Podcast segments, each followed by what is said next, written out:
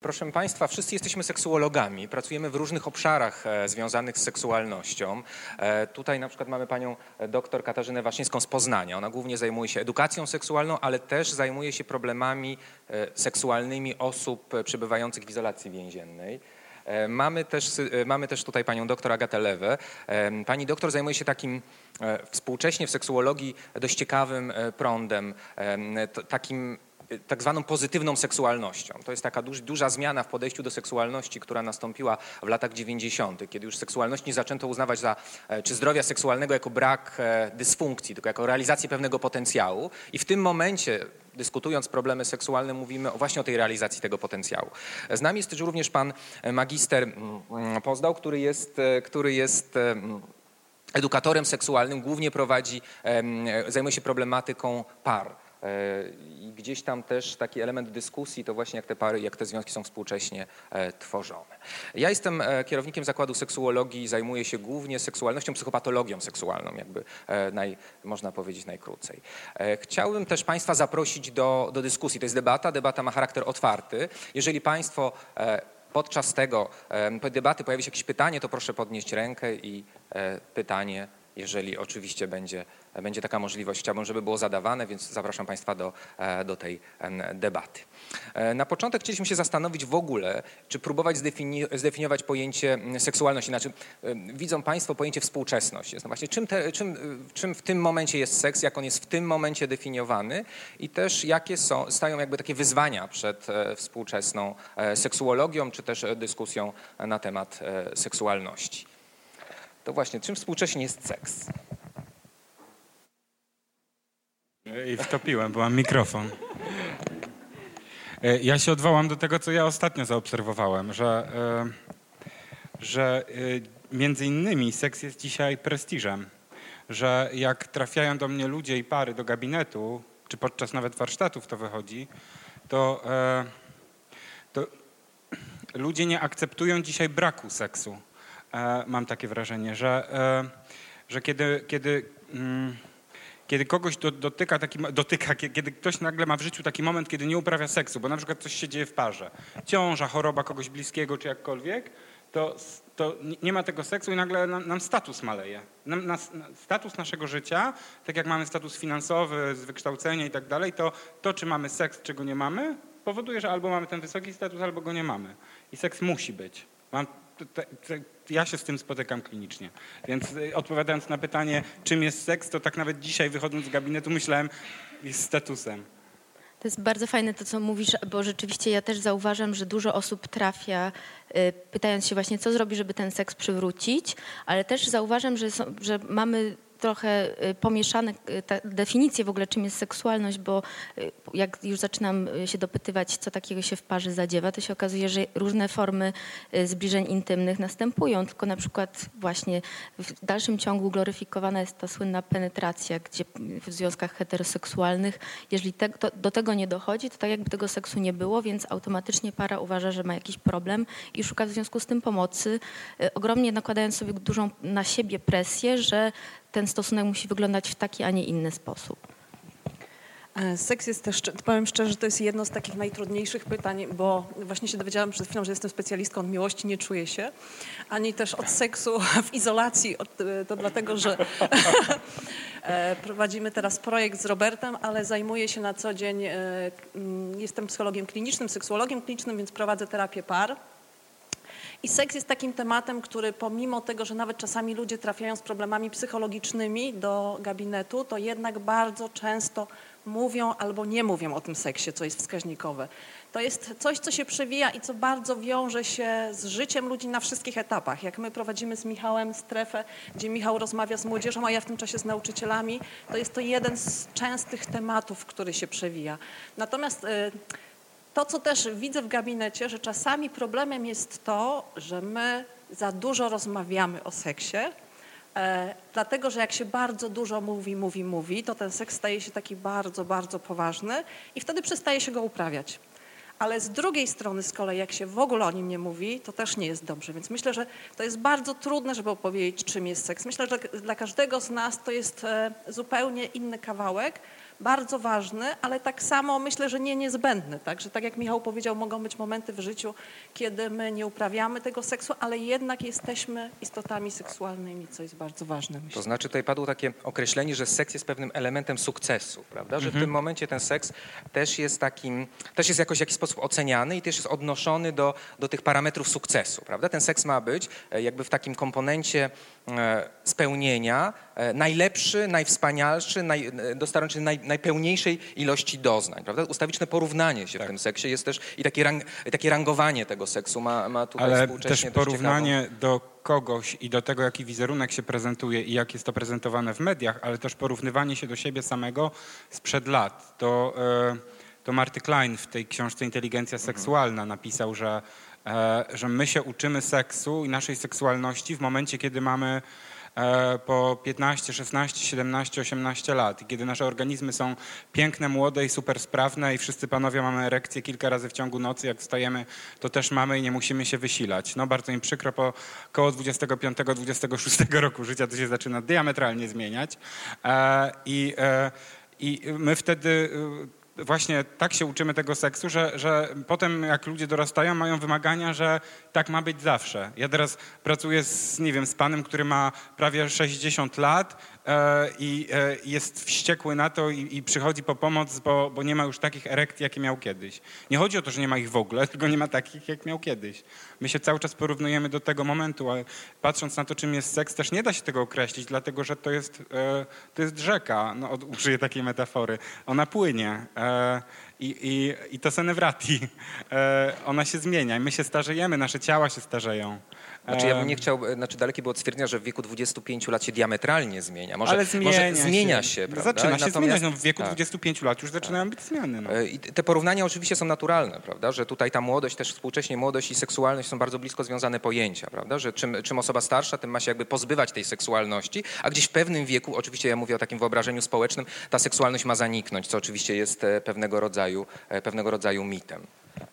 No ja właśnie jeszcze mam w ogóle ostatnią taką refleksję, że trafia, y, że ja też pracuję generalnie z osobami, które prowadzą albo y, niestandardowy styl życia, albo y, też nieheteronormatywne style życia, w tym też z osobami homoseksualnymi i powiem właśnie, że w ogóle zadziwiająca ostatnio taka mo- moja obserwacja jest, że mam, pracuję z wieloma młodymi chłopakami właśnie, którzy są przed 25 rokiem życia i trafiają z problemami właśnie stricte seksuologicznymi. Oczywiście jest to powiązane z, całym, y, z całą masą różnych y, tematów społecznych, które dotyczy i coming outu, i jakiegoś poczucia winy, wstydu i w ogóle dotyczącego seksualności, ale w ogóle braku edukacji i też ogromnej presji, bo i to te, nie, nie powiem, że tylko chodzi o osoby nieheteroseksualne, ale osoby, które na przykład mają fantazje nieheteronormatywne, które nie realizują siebie seksualnie przed tym powiedzmy 25 rokiem życia, to się okazuje, że ich rówieśnicy gdzieś tam y, ten seks uprawiają albo też opowiadają, że ten seks uprawiają. Ja myślę, że też my często w naszym gronie, y, które się zajmuje seksualnością, y, nadajemy tej młodzieży jak, jakiejś takiej wybitnej seksualizacji i też y, mówimy, że młodzież uprawia bardzo dużo seksu, a ja tak nie mam właśnie takiego wrażenia. Nie wiem jak, jak wy z kolei. Ja myślę, nie wiem, czy ci odpowiem na to pytanie, natomiast e, myślę, że fajne jest to, że ten seks może nam towarzyszyć e, pod różnymi postaciami w różnych okresach życia. Że zupełnie inny jest może jakościowo on wtedy, kiedy ma się naście lat, ale też właśnie jak Michał mówi, przyszło mi do głowy jedna pani, z którą pracuję i którą uwielbiam, jak przychodzi do gabinetu. Chyba bardziej lubię, jak ona przychodzi, niż ona, jak przychodzi do mnie. Dlatego, że jest to pani, która ma lat 72 i przyszła do mnie z takim problemem, E, mogę powiedzieć, bo powiem anonim, anonimowo, e, mianowicie nie mogła się zdecydować między jednym a drugim partnerem, z którym była.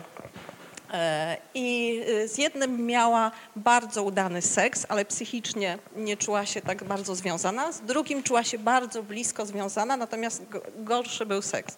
I tak sobie pomyślałam, że istnieje wokół tej seksualności bardzo wiele stereotypów i to, co ty też powiedziałaś tutaj, że my nadajemy też temu okresowi młodości takie różnego rodzaju wyzwania i frustracje i oczekiwania. Natomiast fajne jest to, że tak naprawdę jeśli mamy pozytywne podejście do siebie, do swojego ciała, do seksualności, to tak naprawdę możemy różne trudności, ale też różne fajne rzeczy w seksie mogą nam towarzyszyć na przestrzeni naszego życia przez cały czas. To tak. Znaczy, tutaj też pojawił się problem atrakcyjności. No właśnie. E, Mówimy o młodości jako pewnego rodzaju, e, e, że to jest jakiś fetysz, prawda? Że to jest ta atrakcyjność związana jest z młodością. Czy można powiedzieć, że współcześnie zmienia się podejście do atrakcyjności? To znaczy, co jest właśnie, jeżeli, bo pewnie znacie mnóstwo badań, co jest uznawane za najbardziej atrakcyjne? Nie wiem. Nie, nie znam badań, ale, ale e, w naszej seksualności my jesteśmy e, wielkimi hipokrytami. Polacy na pewno, szczególnie. Bo odwołam się tutaj do tego akurat, co badałem, czyli do stron porno. E, Strony porno. Dzisiaj jesteśmy jednym z krajów, które, które najczęściej ogląda pornografię w Europie. I jak, jak się dzisiaj zobaczy z strony porno, to kiedyś mieliśmy takie zarzuty do pornografii, że ona zalewa nas takimi fikcyjnymi modelami ciała, e, czyli mamy wysterydowanych facetów e, z wielkimi penisami i szczupłe kobiety z wielkimi biustami, silikonowymi i tak dalej. Nie, to już jest nisza dzisiaj w porno. E, dzisiaj w porno największe, naj, najbardziej takie porno, które jest najbardziej e, popularne, to jest e, tak zwane porno amatorskie, czyli e, my sami sobie kręcimy filmiki i wrzucamy do sieci i można zobaczyć wszystko. E, tak, i, i wszystkie rozmiary i każdy wiek. Dlatego, kiedy pytasz o tą atrakcyjność, co jest dzisiaj atrakcyjne, to wydaje mi się, że my cały czas chcemy deklarować, że atrakcyjna jest bardzo chuda modelka, e, ale to jest nieprawda. To znaczy e, tutaj, jeżeli chodzi o badania, to oczywiście są różnice między kobietami i mężczyznami, jeżeli chodzi do oczekiwania co do atrakcyjności. Jednak jeżeli chodzi o kobiety, to jest dość jasny stereotyp i większość mężczyzn zaznacza, czy to jest deklaracja. To, to co mówisz, to jest bardzo jasne, że w tym momencie obserwuje się ogromną rozbieżność. W, w, Polsce, e, w Polsce pewnie szczególnie. My mamy gdzieś takie pewne analogie co do Stanów Zjednoczonych pomiędzy deklaracją, to co, co, się, co się dzieje w tym łóżku, czy jak powinien wyglądać ta idealna, idealna partnerka, czy idealny partner, a to jak jest w rzeczywistości. Tutaj właśnie badania bardzo ciekawe ze Stanów Zjednoczonych, które zupełnie obnażyły właśnie, czy pokazały tą schizofrenię. Badano deklaracje wejść na określone strony porno. No i tutaj e, badanie seksualności Amerykanów, e, przez wszystkie Stany te badanie przeszło i tam ile osób, ile procent e, oglądało filmy pornograficzne, a później nałożono na to jakby wejścia w określonych stanach, na okre, z, określonych, znaczy z określonych adresów IP w określonych stanach, czyli sprawdzano rzeczywiste e, tych stron porno. I co się okazało? Te stany e, północ, e, te stra, e, zachodnie i wschodnie wybrzeże, które jest dość liberalne, okazało się, że były te wyniki w miarę spójne, natomiast tym pasie biblijnym tych środkowych stanów były najbardziej rozbieżne, czyli, czyli tam i dużo więcej oglądali tego porno niż, niż, niż deklarowali, dużo więcej niż przeciętny Amerykanin. To też czym, i wysunięto taki wniosek, czym więcej restrykcji, tutaj oczywiście jest to pewne uproszczenie, tym więcej perwersji, prawda? I, i też tym więcej pewnego rodzaju jakby oczekiwań co do seksualności. Proszę Państwa, w Polsce według badań, e, to było badania w przedziale 15-49, do oglądania przynajmniej raz w życiu e, stron o charakterze erotycznym e, stwierdziło, przyznało się 70% mężczyzn i 30% kobiet. Co, jak Państwo pewnie intuicyjnie czują, no, jest dalekie od prawdy. Prawda? Ale Że ty tutaj- mówisz, że jest jakiś taki, że, że jest jakiś taki, tak, stereotypowo ta atrakcyjna kobieta, no to jaka ona jest? Ma być, to znaczy, po, po, się trzy, trzy w badaniach takie, Mhm. takie standardy. Ma być szczupła i wesoła, prawda? I to jest Mhm. i- i jakaś taka radosna. No, ja wiem, że to jest, idzie, idzie po jakimś takim strasznym stereotypie, natomiast większość mężczyzn tak właśnie zaznacza. Natomiast jeżeli chodzi o kobiety, to też oczywiście i tam jest o wiele szerszy aspekt atrakcyjności, to jest dyskutowania tej atrakcyjności. Ja tu mam dokładnie to badanie. Ym, I tutaj... E, I tu, I tu są jakby ko- kobiety wybierają zarówno tych, te typy tak zwane, tak zwane okładkowe, natomiast ta atrakcyjność jest jednak o wiele bardziej rozłożona i, i te akcenty są o wiele, em, ich więcej jest po prostu niż w przypadku e, mężczyzn, bo tutaj e, szczuple wyglądające pewnie uwodzicielskie kobiety to się przejawiało e, w większości badań jako pewien ideał, jeżeli chodzi o atrakcyjność, przynajmniej we wskazaniach. Co jest śmieszne, bo jak Robert tutaj mówił, przypomniało mi się takie ćwiczenie, które robiłam z młodzieżą, z chłopakami, o, o tym właśnie, na co zwracają uwagę u kobiet. E, mm, Szkoła podstawowa, gimnazjum i to, co właśnie padało, to właśnie przede wszystkim szczupła, wysoka, ale też miła i sympatyczna. Tak, Więc to tutaj gdzieś e, się powtarza. Natomiast e, to, co ja też z gabinetu widzę, to na szczęście jest tak i myślę, że to jest jakaś taka sprawiedliwość, że atrakcyjność fizyczna niekoniecznie wiąże się z jakością seksu, dlatego że jeśli chodzi o takie zewnętrzne atrybuty, to mam też w gabinecie dziewczyny, które odpowiadają takim kanonom urody, powiedziałabym na bardzo wysokim poziomie, gdyby iść stereotypowo. Natomiast to nie daje gwarancji na fajny, udany seks. E, opowiem takiej dziewczynie, z którą pracuję. Mam taką dziewczynę, która ma naprawdę wymiary modelkowe i jest fizycznie bardzo atrakcyjna, gdyby oceniać zewnętrznymi kryteriami atrakcyjności. Natomiast e, ona tak bardzo obawia się wizerunku swoich piersi, które w pozycji takiej, kiedy jest grawitacja, trochę nie wyglądają tak dobrze, że uprawia seks tylko w takich pozycjach, w których te piersi są takie ładniejsze, tak? czyli nie w pozycjach, w których one leżą. E, I to nie jest jak gdyby taki pojedynczy przypadek, dlatego że e, fajny seks nie zależy od tego, jak my wyglądamy, ale jak się czujemy. Oczywiście myślę, że to jest taki trochę truizm, że każdy coś by sobie mógł zmienić, gdyby chciał, tak?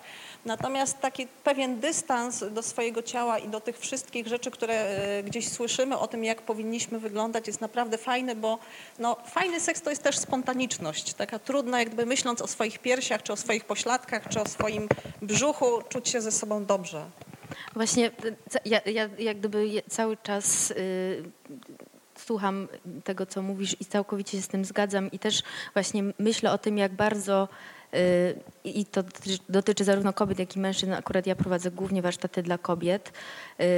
Znaczy nie głównie, tylko akurat ten blok, o którym myślę że jednak jest straszny, straszna trudność, więc wypowiem się w imieniu kobiet, y, które do mnie przychodzą, y, że że, owszem, że jak gdyby na poziomie mózgu my wiemy, jak mamy, ten, jak mamy wyglądać i wiemy generalnie, że mamy siebie akceptować, mamy mówić sobie w lustrze kocham cię, jesteś taka piękna i tak dalej, ale to jak gdyby w praktyce to się bardzo rzadko zdarza, bo to, to jest gdzieś fundamentalnie nie mamy tego przekazu o tym, że, żeby się czuć piękne i w to rzeczywiście wierzyć. I tu, tutaj jest ten ból, bo jak gdyby też do was tutaj możemy mówić, że czujcie się ze sobą super, tylko właśnie jak to zrobić. Ja jeszcze nawiążę tylko do tych typów, do tej atrakcyjności, że ja e, jednak e, jestem. E, znaczy tak pracuję z pacjentami, żeby, żeby im uzmysłowić, żeby sobie wybili te wszystkie typy i, i, e, i to czy nam się ktoś podoba, czy nie, według typu z głowy, żeby to sobie powybijać z głowy, żeby nie używać tego schematu, bo mi się podobają takie, a mi się podobają tacy, bo to jest tak naprawdę bzdura. To jest ogromne zawężenie. E, a często ludzie się po prostu boją przyznać do tego, że podobają im się zupełnie inne osoby i w większości podobają nam się osoby, które tak naprawdę wcale nie są w tym głównym kanonie piękna, które nam się cały czas serwuje. E, I jak już dopuścimy to, to możemy mieć naprawdę z kimś bardzo fajny seks. Rzeczywiście potem potem możemy sobie myśleć, no mm, co by na to powiedziała moja przyjaciółka, e, ale to nie nasza przyjaciółka jest w łóżku w tym momencie. I, e, i, e, no tak jak mówię, ja uważam, że to nas bardzo, bardzo zawęża i bardzo, bardzo ogranicza. Te, te, mówienie właśnie temu, tego, że ja mam taki typ, a ja mam taki typ. To jest tak samo jak mówienie o strefach erogennych, tak? Że, że ja mam strefy erogenne tu, a tu ich nie mam. A całe nasze ciało jest strefą erogenną. Czasami działa tu, czasami działa tam. Czasami można przycisnąć tu, czasami tam. Ale to jest y, taki cały czas zamykający się krąg, bo w ogóle y, nie wiem też jak jest u was, ale też zauważam, że ogromna ilość ludzi poznaje się przez internet jednak. Nawet dzisiaj miałam też tak. takie spotkanie, gdzie mój klient zalogował się na portalu i powiedział, że się czuł jakby się wystawiał na Allegro i bardzo mi się jakoś ta metafora, y, znaczy ze smutkiem mówię, ale ta metafora bardzo jakoś zarezonowała z tym, co też słyszę od innych osób a propos tego, że, że jednak z jednej strony właśnie y, stajemy się produktem, który wystawiamy na półce bo pokazujemy siebie z lepszej strony, staramy się y, jakoś siebie y, czy przedstawić i też tak zagadać, żeby zanim dojdzie do spotkania w realu, to trzeba, że tak powiem, spełnić jakąś tam listę kryteriów, których być może w, w realnym przypoznaniu się live to by nie miało w ogóle miejsca. Także z jednej strony właśnie, y, czy decydujemy się na dobór partnera czy partnerki na podstawie trzech, czterech zdjęć, które widzimy na pierwszy rzut oka, super, pasuje, coś, coś, coś działa, czy robimy na masowe klikanie, czy też piszemy z kimś miesiącami, czy rzeczywiście w ogóle do tych spotkań dochodzi? I w ogóle co się dzieje z taką, właśnie z tym takim, y, ostatnio właśnie zauważam y, no, myślę sobie o, tak, o, takim stylu podrywania, jaki był kiedyś, że trzeba było właśnie na telefon czekać i tak dalej. To znaczy, żyjemy w czasach e, selfie. Tutaj jest jasne, że każdy chce mieć jak najlepsze zdjęcie, żeby jak najlepiej zostać ocenionym. I tutaj e, też, jakby tutaj trochę odchodząc od tematu, teraz są takie badania, które pokazują, że e, młode osoby, jakby żyjąc w tych czasach, muszą, jakby wystawiają się na coś, co psychologicznie jest bardzo trudne, ustawiczną ocenę. Prawda? Że ta, to, każdy element, który zostaje wrzucony na Facebook, na Instagram, na to, jest oceniany. Prawda? I tutaj rangowany od razu i pojawia się ranking i, i gdzieś ta osoba się dostosowuje, czy tresuje się do, do bardzo określonych typów zachowań. E, czy, czy tutaj e, mówicie o dobieraniu, prawda? O tym, o, tym, o tym ocenianiu. Natomiast e, to ocenianie było zawsze, tylko może miało inną formę. Kiedyś też oceniano. e, Jest, takie, jest takie, taka prawidłowość, że związki aranżowane, czyli związki na przykład, które zostały wybrane przez, e, przez rodziców, okazują się, że one są e, w dłuższej perspektywie o wiele bardziej szczęśliwe niż te związki, które, no nazwijmy to, z miłości powstały, prawda? Znaczy w tej miłości, z tego zauroczenia.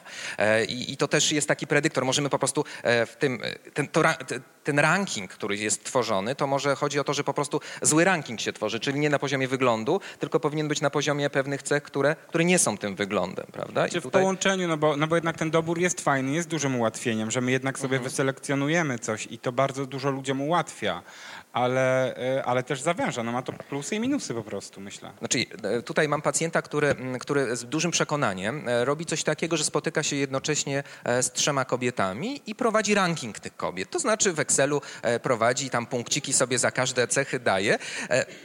Ja nie oceniam tego, czy to jest dobre, czy to jest złe. On twierdzi, że to się sprawdza, prawda? On ma trzy, on, zrobił tą większą selekcję, no i teraz z tej większej selekcji po, są w tym momencie trzy, trzy dziewczyny.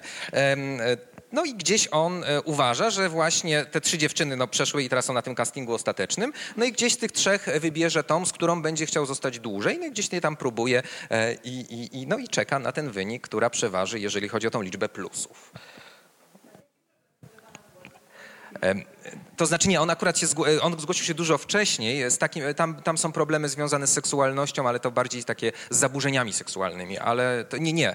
Tutaj gdzieś tam on się bardziej obawia.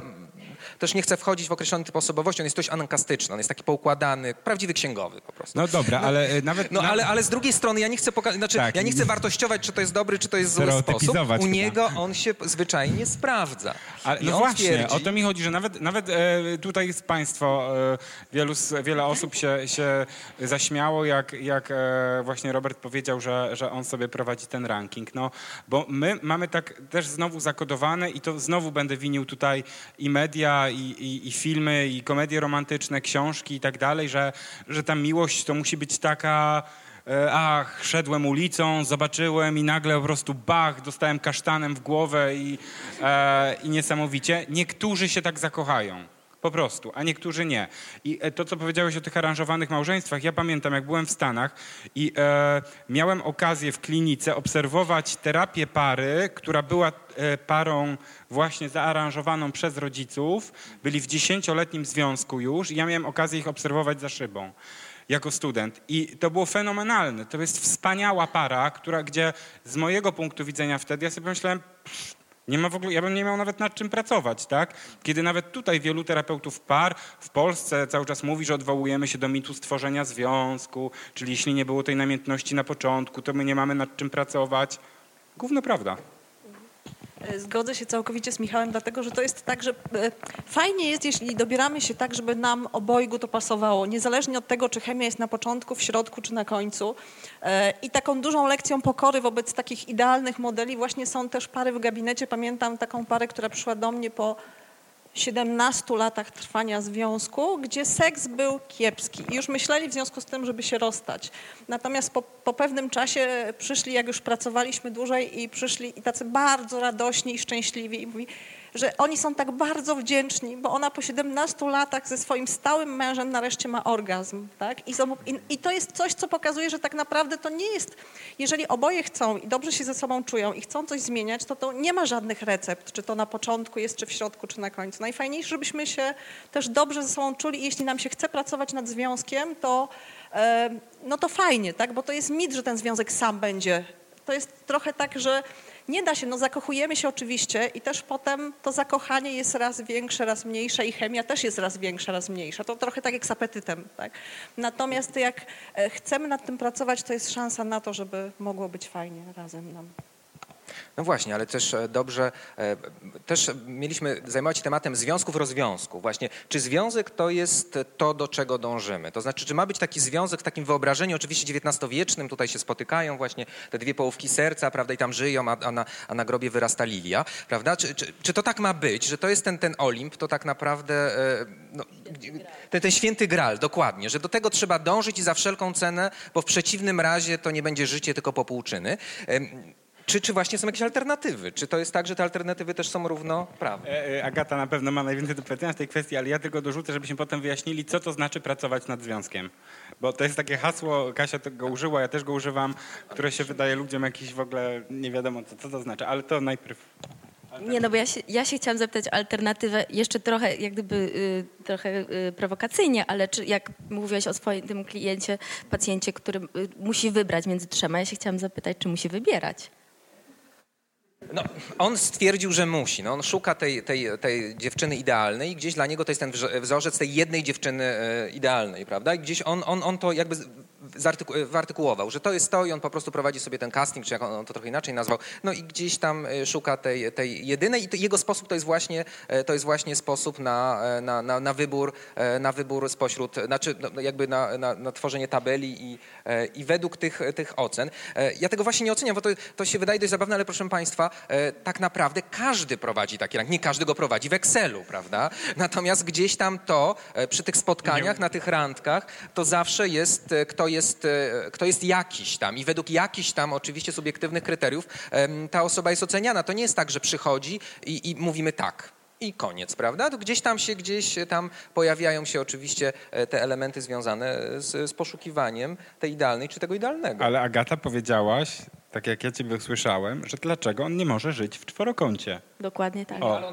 No nie, nie, nie, ja tylko nawiązuję do tego, co powiedziała Agata bo poruszasz bardzo istotną kwestię właśnie. No bo, bo cały czas mówimy o związkach, rozwiązkach w kategorii y, pary albo y, osób, które są w konstelacji jeden do jeden albo diady, jak to nazwać. A ja też myślę o osobach, które w którymś momencie w życiu znajdują się w sytuacji, że naprawdę nie potrafią podjąć wyboru i na pewno go nie, pod, nie podejmą. A my jako osoby pomagające często nie dajemy im szansy na to, żeby trochę pobyli w tym trójkącie, nawet jeżeli on jest niestały tylko żeby się rozeznać, czego tak naprawdę w danym momencie w życiu potrzebujemy. E, ja też ja uważam, że to jest ładna idea, prawda? W tym momencie dużo się mówi o poliamorii, natomiast e, no, jakby żyjemy w określonych warunkach kulturowych, gdzie nawet jakby deklaracja to jest jedno, prawda? I tutaj otwartość to jest jedno. Natomiast okazuje się, że w większości przypadków jesteśmy tak przetrenowani w niektórych sytuacjach, że pomimo deklaracji i chęci okazuje się, że nie mamy no, zasobów, żeby, żeby żyć w innym układzie. Prawda? I to jest pytanie, czy też my mamy to zmieniać w takim wymiarze społecznym, poszerzać to, czy jednak e, gdzieś to, gdzieś tam tak jakby, e, nie według, no, no, to jest jasne dla Państwa psychologów, że jakby podążamy za pacjentem, prawda, a nie sugerujemy e, sugerujemy nie, no to dla nas jest jasne, ale na tej sali mogą być psychologowie, którzy, którzy tak nie będą myśleli. Że pod, nie, za podążanie ja, ja, za pacjentem to zawsze. Nie, ja, ja się wielokrotnie Kontrze? spotkałem na, na, na konferencji, czy gdzieś indziej, czy, czy, czy, czy, czy podczas rozmów na tej uczelni, że nie zawsze e, podążamy za pacjentem. No, no, no, no nawet, nie wiem, no, dyrektywni terapeuci, tak, którzy, którzy jednak sami wyznaczali, no, strukturalna na przykład w terapii rodzin, tak, Minuchin i reszta.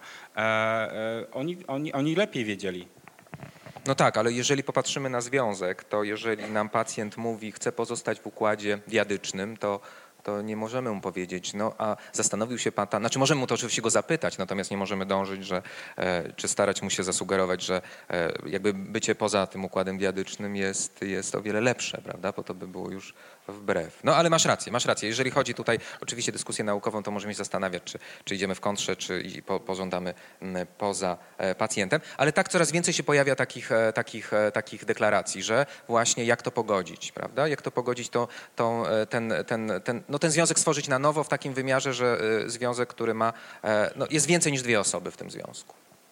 No, ja, mi się zdarzyła jedna taka sytuacja i też byłem bardzo otwarty, ale ona... Yy ale ona się okazała e, bardzo raniąca ta sytuacja dla, dla, mm, dla, dla, dla dwóch osób z tego trójkąta, dlatego e, ja, ja zostawiam to, znaczy ja na pewno bym nigdy nikomu nie powiedział, że wiem lepiej, bo nie wiem lepiej, ale e, zawsze z mojego doświadczenia wychodzi tak, że, że jednak to nie jest sytuacja komfortowa. Właśnie przez to też, jak mówisz, że my już mamy takie schematy, które mamy.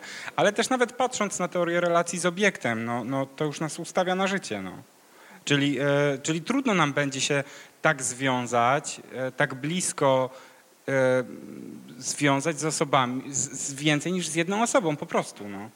Ale właśnie tak sobie słucham i pomyślałam o Esther Perel, która fajnie mówi o tej presji z kolei, jaką nadajemy temu, żeby być tylko z jedną osobą i że te, też rozumienie poliamorii, znaczy to, jakie ja akurat reprezentuję, to jest właśnie niekoniecznie związane z seksualnym i emocjonalnym połączeniem, ale też delegacja różnych obowiązków, ściąganie presji z tego, że diada musi być, y, żeby być funkcjonalna, musi realizować wszystkie jak gdyby cele A społeczne. tak, no i tutaj, jak, tak, czy tutaj dochodzimy do pożądania, tak? Kiedy umiera pożądanie? W momencie, kiedy zaczynamy być najlepszymi przyjaciółmi, no.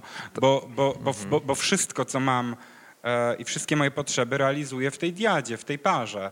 To, to tak jak przychodzą pary i mówią, na przykład e, e, mężczyzna mówi, nie no, ona mnie nigdy nie zdradzi. Proszę pana, jestem przekonany, ona mnie nigdy nie zdradzi, absolutnie.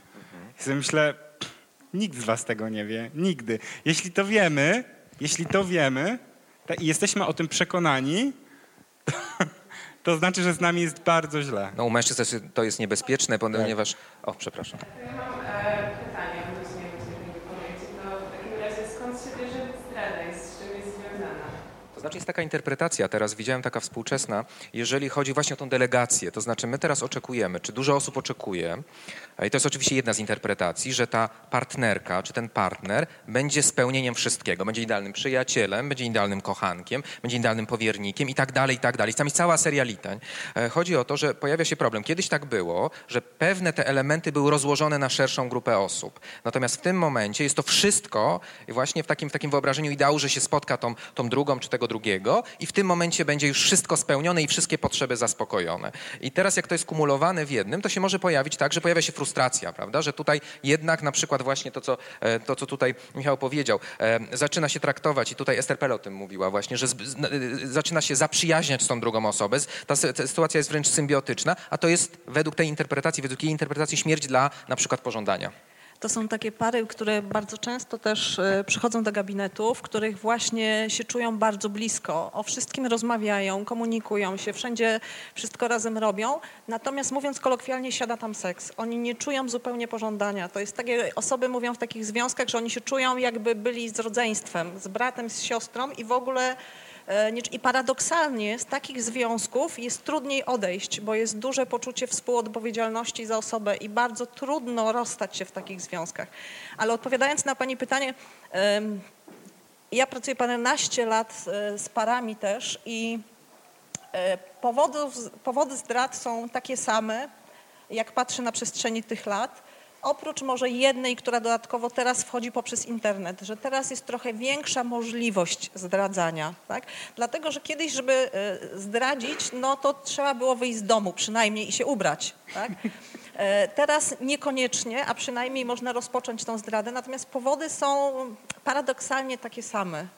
Tak pan się zgłasza? Ja, Ja jeszcze tak odnośnie tych trójkątów zapytać, bo mówiliście, że mo- można żyć szczęśliwie w trójkącie, ale jeżeli dwie osoby załóżmy chcą takiego trójkąta, a ta trzecia nie chce, to, to jak tutaj zrobić dobrze, żeby wszystkim dobrze? Generalnie to jest kwestia negocjacji i to jest w ogóle bardzo długi temat. W ogóle na, naprawdę zachęcam do przeczytania książki Debory Anapol, y, y, Poliamoria w XXI wieku i też na polskim rynku puszczalskich z zasadami. To są takie dwie publikacje, które myślę, że są dobrym wstępem, żeby w ogóle sobie zacząć refleksję na temat poliamorii.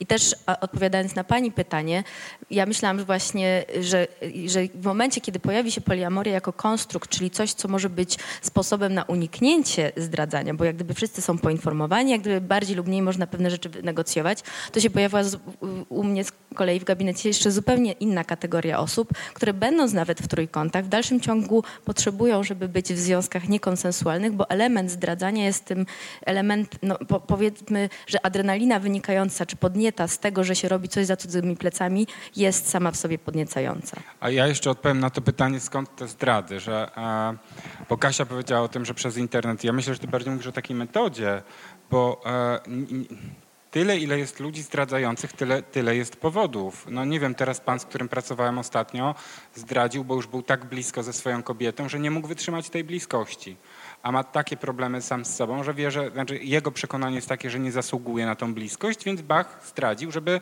żeby, żeby przerwać to, bo już był za blisko. E, mnóstwo tego jest, ale też e, bardzo istotne jest pytanie, e, bo my generalnie jak tu siedzimy, to sobie większość z nas ma jedną definicję zdrady, a znowu mamy różne pary i, mhm, i co jest zdradą? Na co myśmy się umówili w związku? Czy myśmy się w ogóle umówili na cokolwiek w związku? Znaczy... Czy my tak jak właśnie pisze e, Ester, e, po prostu prostu spodziewamy się tego, że e, tak w ogóle o tym nie rozmawiamy, tylko wchodzimy w związek i zasada, która jest totalnie niepisana, jak cię złapie, to cię zabije i to tyle, nie? E, czy myśmy w ogóle na ten temat rozmawiali, czy sobie powiedzieliśmy, mogę to, mogę to, mogę, a tego nie mogę, że ja nie mam problemu z tym, żebyś oglądała pornografię, ja mogę też oglądać, ale mam problem z tym, żebyś na przykład umawiała się z kimś innym, czy umawiał z kimś innym. To znaczy Co tutaj, my uważamy za zdradę? Znaczy tutaj jest ten mechanizm bardzo, bardzo na początku e, typowy, to znaczy projekcji, prawda? Rzut, rzutowania na drugą osobę osobę własnych norm i oczekiwań, no bo przecież spotkało tą drugą połowę, prawda? Czyli ta druga połowa ma te same normy, e, które e, mam ja i w związku z tym no to jest niemożliwe, żeby, żeby pojawiły się jakiekolwiek... A w Poznaniu nam zarzucał, że analityczna jest uwodząca, pamiętasz? Oj, to tak. E, natomiast jeżeli popatrzymy, popatrzymy na, na jakby z perspektywy normy, współcześnie jak dyskutujemy problemy seksualne, czy w ogóle seksualność, odnosimy się do wielu różnych e, kryteriów. I jedną z takich kryteriów jest norma partnerska, czyli e, norma, która polega na tym, że dyskutuje się w relacji. Do domu jak chata nie jego. To jest norma partnerska. Jeśli mamy dwie dorosłe i tutaj, jeżeli chodzi o tą normę partnerską, to właśnie jest tak, że, że ona powinna być dyskutowana. E, tutaj Agata wspomniała o parach e, nieheteroseksualnych i tam jest na przykład definicja relacji o wiele głębsza niż w parach heteroseksualnych, bo proszę Państwa, no, nikt się nie zastanawia, nie wiem, nad identyfikacją płciową, nad orientacją i tak dalej, do, i tak dalej, dopóki nie pojawia się pewna, e, no, pewna bariera na przykład, albo pewne, coś, co nie pasuje do, do ogólnego schematu. I podobnie ze zdradą. Przecież jest, jakby społeczeństwo podpowiada, prawda, jak przeżyć dobrze, czyli na przykład nie zdradzać to i tak dalej, i tak dalej, i tak dalej. Do momentu, kiedy właśnie pojawia się pewna trudność, wtedy zaczyna się to zastanawiać i redefiniować to. Gdzieś, gdzieś to jest też, też ta sama, ten sam mechanizm. Czyli kiedy pojawia się coś, to dopiero się pojawia dyskusja na temat normy. To jest bardzo ważna rzecz, moim zdaniem, którą Michał zaczął właśnie mówić o tych zasadach, dlatego że w większości i tak dyskutuje się o parach heteroseksualnych e, i Pomimo tego, że się tak dyskutuje, to pary heteroseksualne mniej rozmawiają na temat związku i ustalają sobie różne rzeczy niż pary nieheteroseksualne. I my wychodzimy z założenia właśnie to, co tutaj padło, że ten drugi będzie miał tak samo. Natomiast potem okazuje się często w gabinecie, że ludzie y, no, nie dzielą się swoimi potrzebami, oczekiwaniami, fantazjami. Tak? I w momencie, kiedy druga strona po pięciu latach usłyszy, że ktoś miał jakąś fantazję, to jest po prostu przerażona. Tak?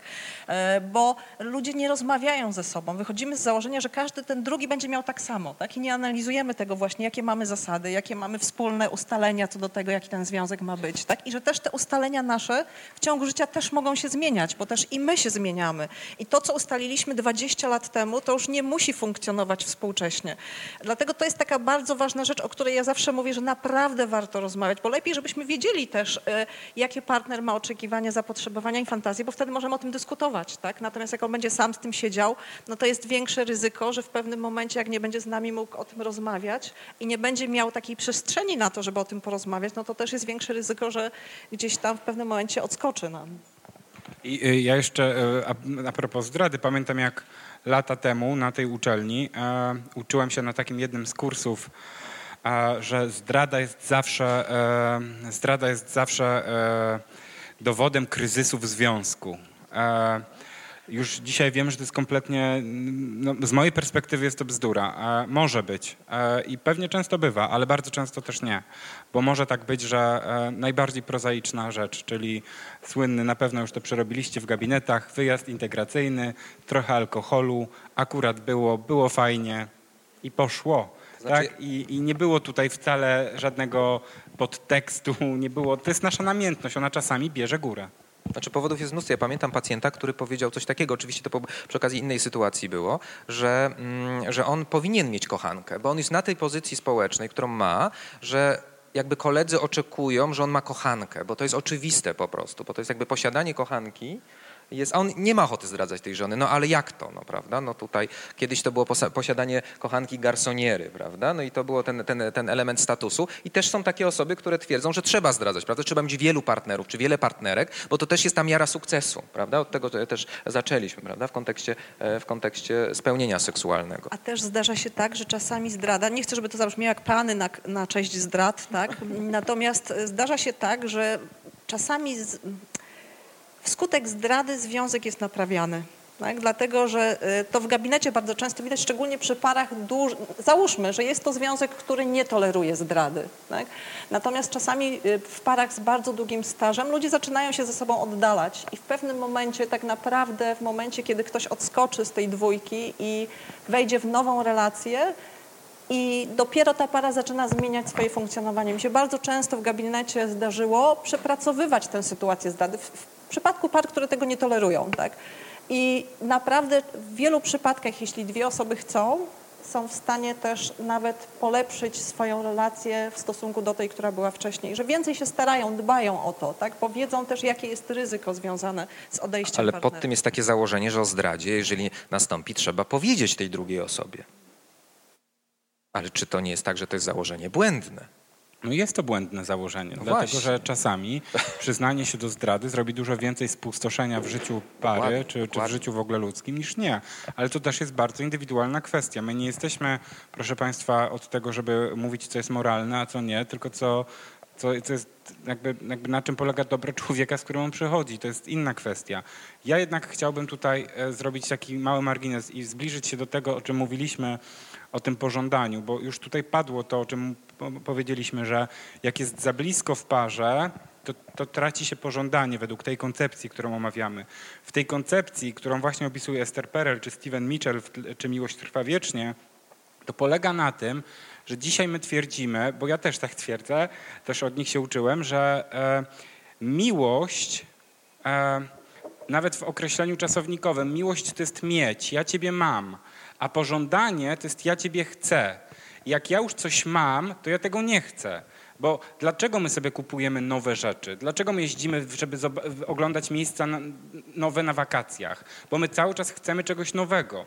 I tak pożądanie seksualne też jest takie, że my chcemy czegoś, co jest odrębne od nas. Jak zrobiono badania, kiedy, mnie najba- kiedy najbardziej podnieca mnie mój partner, to się okazało, że to są trzy, trzy sytuacje.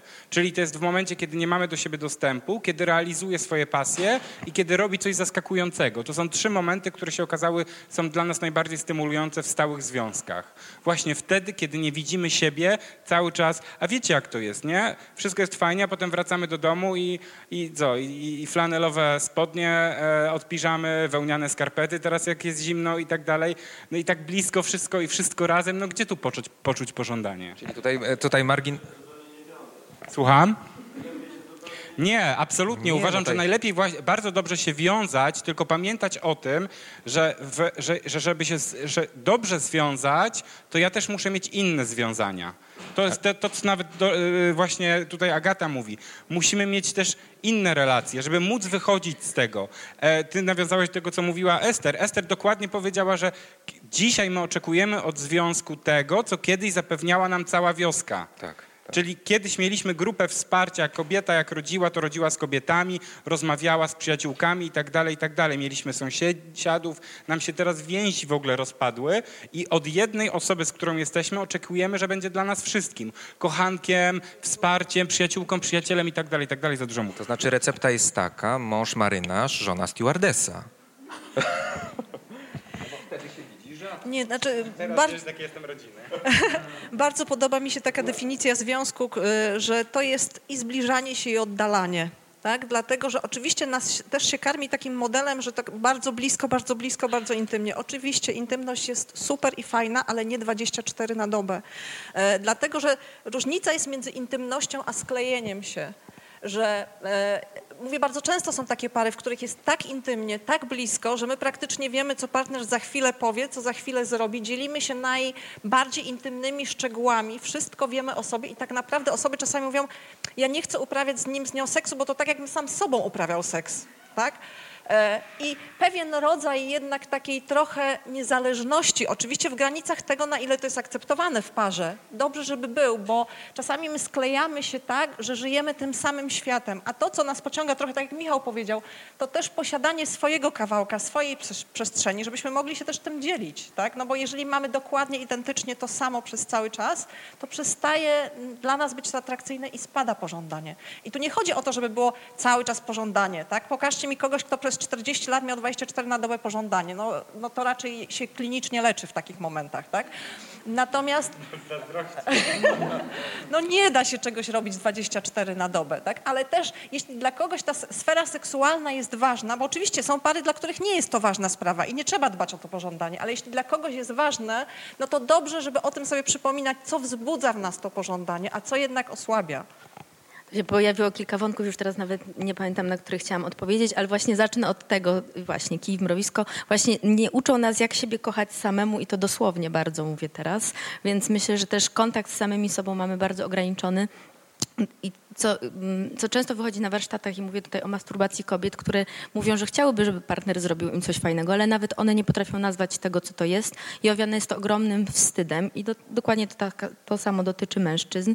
I przypomniała mi się teraz w ogóle anegdota a propos wiązania, bo jak or, organizowałam pierwsze warsztaty z Shibari, z, z bondage, ym, powiedziałam moim rodzicom, że jadę właśnie Czyli poznać... związania, proszę Tak. Państwo. Dokładnie. Ja też Powiedziałam mamie i tacie, że jadę teraz odwiedzić takich państwa na spotkanie biznesowe, którzy prowadzą warsztaty, y, warsztaty z y, wiązania. Na co moja mama jak gdyby w ogóle nie zareagowała na to okej. Po czym przychodzi i mówi, jak było, ale o jakim wiązaniu ty w ogóle mówisz? Więc jej pokazuje zdjęcia podwieszonej kobiety.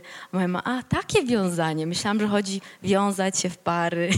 I też śmieję się, bo te warsztaty już kilkakrotnie organizowałam. Przychodzą ludzie, którzy właściwie, y, przychodzą różne pary, które jak gdyby się interesują z tego typu tematyką, ponieważ już czegoś poszukiwały i chcą drążyć dalej, ale też przychodzą osoby, które są, które deklarują na samym początku, że z ogromnym wypaleniem jakimś takim związkowym, już po prostu, że przychodzą na warsztat lepszego, że tak powiem, pożycia seksualnego, już z takiej desperacji, że to jak- gdyby jeszcze może tego nie próbowaliśmy, więc może to nas uratuje.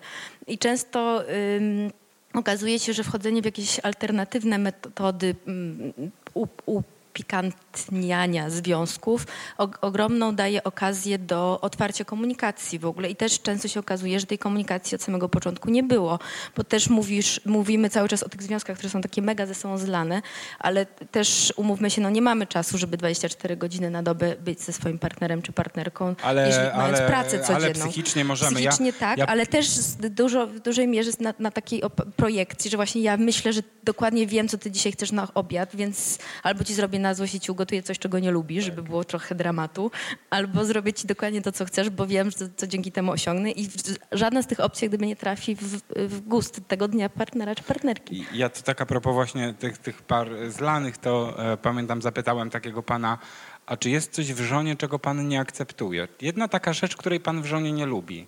A pan siedzi, myśli, myśli, myśli i mówi tak, bo ona jest taka dobra. No właśnie.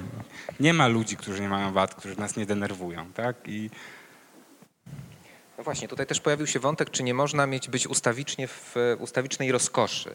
E, Tutaj internet, internet pokazuje, że można i tu jest też ten problem. E, Mówicie, że oczywiście się nie rozmawia o seksualności, bo większość osób rozmowy o seksualności gdzieś tam w tym internecie prowadzi, prawda? I to lepsze lub gorsze.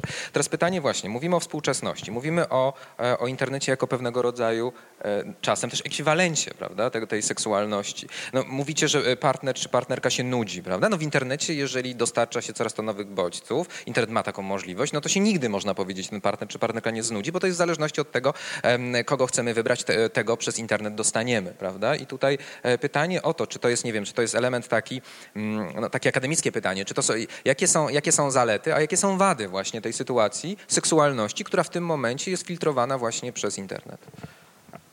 No ja myślę, że na pewno wadami, e, za, zaletą jest to, przepraszam, że, że, można, że można bezpiecznie i z dystansu przyjrzeć się czemuś, na co bym się nie zdecydował, tak? Czyli nie wiem, no nie pójdę do, do klubu fetyszystycznego, fetyszowego jakiegoś gdzieś tam w Berlinie, bo się wstydzę, ale jeśli czuję, że coś takiego może mi się podobać, to zobaczę sobie jakiś, e, jakiś film e, czy, czy jakiś materiał i, i poznam to z dystansu. I, i czy osoby, które mają właśnie e, alternatywną seksualność i nie mogą się realizować tak po prostu, nie mogą sobie na uczelni poznać e, partnera czy partnerki z różnych powodów.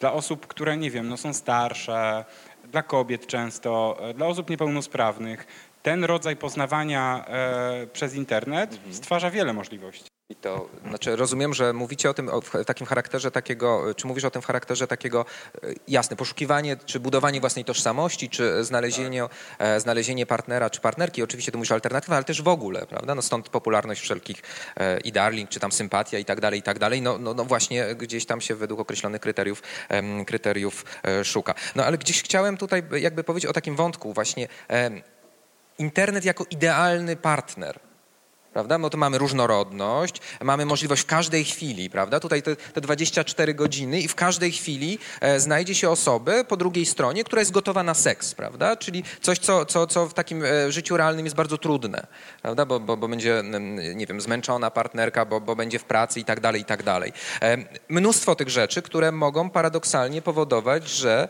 e, no, gdzieś tam będzie coraz więcej przesunięć w tym kierunku tego internetu i realizacji seksualności przez internet. Znaczy to jest y, zapewne takie ryzyko, ja to też w gabinecie czasami obserwuję, mm, y, w sytuacji, kiedy na przykład mamy związek, który powiem kolokwialnie jest średni dla kogoś, tak? I rzeczywiście wtedy no jest efekt nowej partnerki, na przykład w przypadku mężczyzn. I w momencie, kiedy ta partner, z tą partnerką się tak średnio dogaduje i jest mi tak nie okej, ona nie zwraca na mnie uwagi i jest ta sama od paru lat, tak? E, a nawet coraz starsza, no to wystarczy włączyć e, komputer, no i wtedy mamy możliwość wyboru wszystkich typów urody wiekowych i różnych preferencji. I to jest ryzyko. To jest, e, to jest takie ryzyko, które często zdarza się w parach, tak? To, przy takim i znudzeniu, i zmęczeniu materiału w parze, że wtedy jest ryzyko pójścia na łatwiznę i szukania czegoś takiego łatwo dostępnego. E, I to jest trochę tak, że to jest na moment atrakcyjne dla wielu osób, tak? Czyli włączenie i chwila związana z masturbacją i z przyjemnością i wyszukiwanie i ta różnorodność możliwości partnerek, partnerów rzeczywiście, tak jak wiele osób mówi, podnieca i pociąga, tak? I później, jak wracamy do tego pokoju, gdzie jest nadal ta żona stara albo stary partner, mówię nie wiekowo, ale w sensie statusu, no to trudno takiej osobie z związku doskoczyć do tych kryteriów, które, kiedy widzimy tę kobietę atrakcyjną e, na 5 minut. To jest to, dlaczego wygrywają e, romanse w biurze. E, To jest dokładnie tak, jak mówił mi mężczyzna, który, który miał romans ze swoją koleżanką w biurze. Ja ją ciągle widzę zrobioną a moją żonę nie. Tak? Ona przychodzi do biura na obcasach i w kostiumie i ja ją w dresie nie widziałam, więc ona dla mnie jest zawsze atrakcyjna. A przychodzę do domu, a moja żona wygląda różnie. Tak? I wtedy rzeczywiście łapiemy się na takie rzeczy, że to są takie rzeczy, które no, pociągają ludzi. Tak? No i to, co, nie wiem, czy to miałeś na myśli, ale rzeczywiście jest tak, ja myślę, że młodzieży teraz trochę trudniej, bo oni się szybciej nudzą. No teraz jest taka kultura trochę natychmiastowości i coś, co jest nowe, już za chwilę jest stare. I niestety tak się też dzieje ze związkami. To, że partner jest atrakcyjny jest na chwilę, no bo zawsze może być fajniejszy, tak? Zawsze może być lepszy, a może za rogiem coś nas czeka. I myślę, że to jest taka trudność dzisiejszych czasów troszeczkę, że zawsze wydaje się nam, co zresztą zacytuję jednej z, z chłopaków, z którymi pracuję, e, że zawsze może być lepsza opcja. Tak? No bo przecież w internecie jest tyle zdjęć, tyle stron tak? i tyle możliwości, że czasami przestajemy doceniać to, co tutaj jest obok gdzieś. Bo ja się zastanawiałam no właśnie nad tymi minusami, bo na moment aż mnie zatkało, czy są czy plusy, czy minusy, bo sobie myślę, że jak gdyby to nie jest kwestia, że jak gdyby obecność internetu jest nie do uniknięcia w tym momencie. To jest tak, jakbyśmy mówili, co zrobić, żeby temu zapobiegać, albo jak sobie właśnie radzić, co robić, żeby te związki były głębsze, bardziej świadome, bardziej odpowiedzialne, za zgodą wszystkich stron i w ogóle wszystko to, żeby było takie cudowne. No właśnie nie mam na to odpowiedzi, ale pomyślałam o tym minusie, jakim jest brak właśnie edukacji. Co robić z tym faktem, że ten internet jest Edukacji, taki, ale też otwarcia w związku na to, żeby o tym rozmawiać. w związku, ale ja mówię o Dlatego- nawet, o, po, pozwolisz, że, że, że ci przerwę jeszcze na moment, bo teraz dokładnie y, myślę o Tinderze, którego rozwój bardzo y, aktywnie obserwuję i też wśród moich koleżanek y, dalszych i bliższych. A Może powiedz dokładnie, co to a pro, jest. Tinder jako aplikacja do poznawania ludzi, tak jak Grinder dla osób nie- nieheteroseksualnych, tak Tinder dla mężczyzn i kobiet to są osoby w zasięgu iluś tam metrów dookoła nas, które są albo do poderwania, albo do spotkania się na kawie. Jak gdyby y, twórcy tej aplikacji nie powiedzieli, do czego ona dokładnie służy. Jedni twierdzą, że będąc na Tinderze to chodzi jak gdyby tylko i wyłącznie o seks, a inni właśnie o romans. I mam tak ogromną y, taką obserwację a propos tych dysproporcji między kobietami i mężczyznami. Tutaj akurat niestety heteronormatywnie bardzo mm, pójdę w, w mojej refleksji, a mianowicie, że jednak od facetów słyszę, że jak dziewczyna jest na Tinderze, to jednak ona chce ten seks uprawiać jeszcze najlepiej tego samego wieczoru, a dla dziewczyn to często właśnie pytanie, czy to jest hej, show me your boobs, czy pytanie hello, do you want to join me for a coffee, robi różnicę, bo to już jak gdyby nakręca, czy jak, jaki jest e, ten przekaz. Aczkolwiek nie mam wrażenia, że nawet po tym trzydniowym, czterodniowym, dwutygodniowym pisaniu sobie SMS-ów, jak gdyby i tak intencją, czy jest seks, czy, czy też nie jest. I mam bardzo dużo takich zgłoszeń, bardziej już nawet z, z prywatnych źródeł od, od moich koleżanek, co robić w momencie, kiedy ja się z nim spotkałam, wydawało się, że wszystko będzie dobrze, a tak naprawdę on po tym spotkaniu nie odpisuje, albo usuwa mnie z maczy, a ja nie wiem, gdzie, gdzie go teraz, jak mam go terroryzować. No, także to, to, są, ta- to są takie bardzo życiowe, y, namacalne kwestie, właśnie jak w ogóle doprowadzić do tego, żeby w ogóle być w związku. O. Właśnie też e, kolejny problem, który pewnie Państwo doskonale wiedzą, że w Polsce istnieje, nie mamy edukacji, prawda? Nie mamy edukacji seksualnej, czy ona jest, e, e, znaczy formalnie ona istnieje, natomiast jeżeli popatrzymy na efekty tej edukacji, to jej po prostu, prostu nie ma. I gdzieś tym elementem edukacji jest gdzieś też, też edukacja świadomego korzystania z internetu, prawda? I tutaj ten element, który niestety tę edukację seksualną spłaszcza się do, do tego, że to jest nauka o, o wkładaniu i wyciąganiu, jak to powiedział pan profesor Izdebski, że, że, że tutaj też jest cały ten obszar jakby e, umiejętnego korzystania z internetu. E, Tutaj na początku e, wyznaczenia oczywiście granic na przykład, jeżeli chodzi o ten internet. Też bardzo istotny element, o którym tutaj Michał powiedziałeś na początku, to ta kwestia też, i od tego zaczęliśmy, od tego ideału. I ten internet na przykład w konwencji porno tworzy pewne rozumienie rzeczywistości, że tak wygląda seksualność. Jeżeli osoba młoda nie ma doświadczeń, no to gdzieś tam oglądając określone materiały, sądzi, że właśnie tak, tak, tak ta seksualność wygląda i gdzieś na przykład e, jakby oglądając czy, czy, czy budując to, tego typu doświadczenia, okazuje się, że mamy w przyszłości e, duże prawdopodobieństwo, że pojawią się w gabinecie, no bo tutaj sprostanie tym wymogom może okazać się dość trudne. I Co do wyglądu też, do tego, e, tej konwencji, że nie wiem, przychodzi, prawda, ileś tam odcinek trwa i tyle właśnie ma ten seks trwać i tam te 10 orgazmów 10 minut, to w zależności oczywiście od zaznaczonej zakładki. Natomiast, natomiast e, tu właśnie jest te, te, nierealne oczekiwania, które tworzy, tworzy internet, prawda? I tam wszyscy są e, w jakiś sposób, oczywiście to, to jest kwestia bardzo subiektywna, ale ładni, prawda? W jakiś określony sposób się pokazują. I oprócz edukacji seksualnej, ja bym powiedziała takiej edukacji w parze, dlatego że zdarza się też, że przychodzą pary e, i zaczynają rozmowę pani doktor, bo my mamy trudności w tych sprawach. Więc ja pytam, w jakich sprawach? No wie pani, no w tych, tak? E, I to, I to są pary, które czasami są ze sobą, nie wiem, parę lat i trudno im powiedzieć nawet kolokwialnie, że mają problemy w sprawach łóżkowych, bo samo słowo łóżko im nie jest w stanie przejść przez usta, tak? A co dopiero powiedzieć konkretnie. E, I myślę sobie, jak mówimy tutaj o rozwiązkach, że no rzadko zdarzają się pary z długim stażem, w których nie ma kryzysów. Tak? Myślę, że to bardzo trudno przejść przez całe życie i czasami nie pomyśleć sobie, kurczę, czy to jest dobrze w tym związku jestem. Tak? E, I myślenie, że tak nie będzie, myślę, jest idealistyczne, bo różne mamy kryzysy związane z różnymi sferami i z naszym związkiem też. Natomiast e, oczywiście też e, nie o każdym kryzysie, tak jak tutaj padło, tak, czy o różnych rzeczach jest przymus mówienia. Natomiast myślę sobie, że jeżeli mamy zgodę na to, żeby też rozmawiać o tym, że coś we mnie słabnie, to też jest to moment na to, żeby móc coś robić. Tak? Dlatego, że bardzo często się zdarza w gabinecie, że na przykład ktoś mówi, już ja mówiłem to mojej partnerce, mojemu partnerowi i co? No i nic. Tak? I mówiłem, i mówiłem, i mówiłem, i mówiłem, tak? I nic. I wysłuchała, wysłuchał i nic się nie zmieniło. I zamiatamy pod dywan. Tak? I potem, wtedy pod tym dywanem ta gula rośnie. Natomiast jak jesteśmy w stanie rozmawiać o różnych rzeczach i o tym, że też w nas się coś zmienia, albo że czegoś potrzebujemy, albo że teraz mamy zupełnie inne oczekiwania, albo chcielibyśmy, żeby było między nami inaczej, to jest szansa, ja chcę z tobą, tak, na przykład. Bo co inna jest, oczywiście ja chcę inaczej z kimś innym, ale ja powiem, chcę z tobą, ale chcę, żeby było inaczej. To jest szansa, żeby to zmieniać, jeśli do drugiej osobie będzie pasować. I to, do czego zachęcam, do rozmawiania ze sobą, bo znacznie łatwiej teraz ludziom często pójść do łóżka niż porozmawiać. Szczególnie, że mamy, e, szczególnie, już momencik, już szczególnie, że mamy takie możliwości dzisiaj, że jak się wstydzimy powiedzieć, to możemy napisać.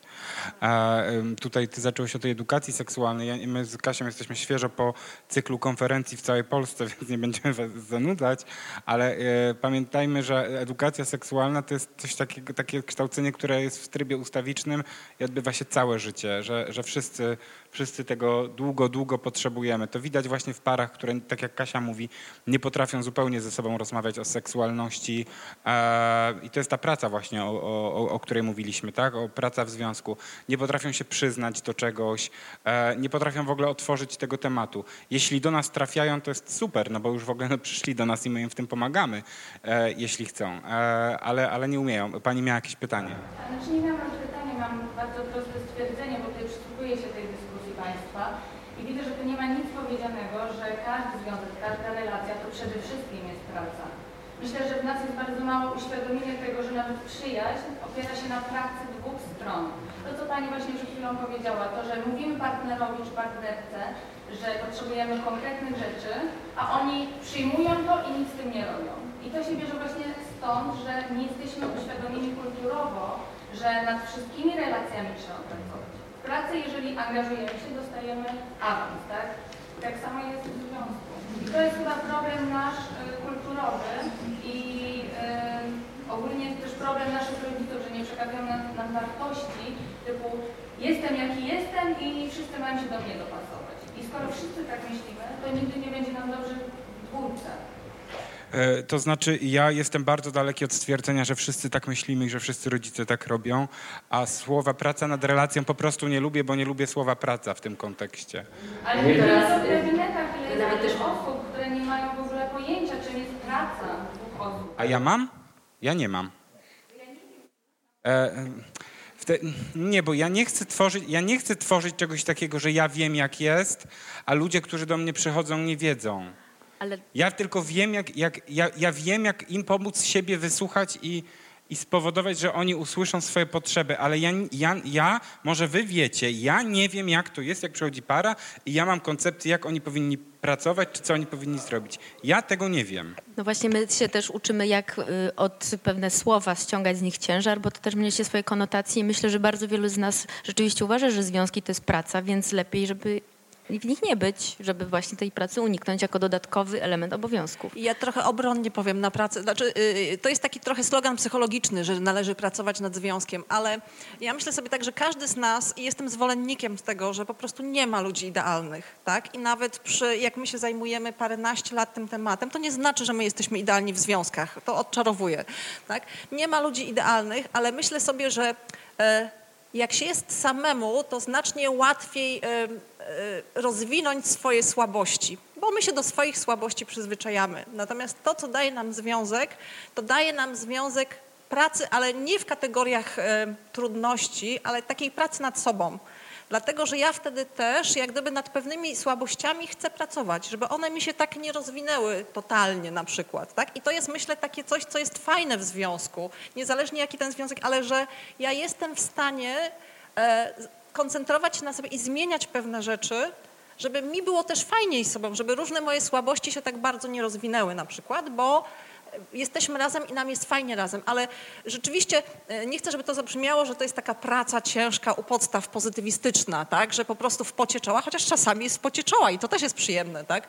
Natomiast e, chodzi mi o to, że to nie jest rzeczywiście tak e, romantycznie, tak? że jak się poznajemy, bierz mnie z dobrodziejstwem inwentarza i taki sam inwentarz będę miała przez lat następnych 50. Tak? Że to jest rzeczywiście, no, warto wiedzieć, że no, my się w życiu bardzo zmieniamy. Tak? I ten partner, którego wybraliśmy, bo to jest taki też mm, w terapii, ten partner, którego wybraliśmy, którym byliśmy oczarowani 10 lat temu, 15, to nagle patrzymy na niego zupełnie innymi oczami, bo myśmy się zmienili, a on został w tym miejscu i to jest często problem par. Tak?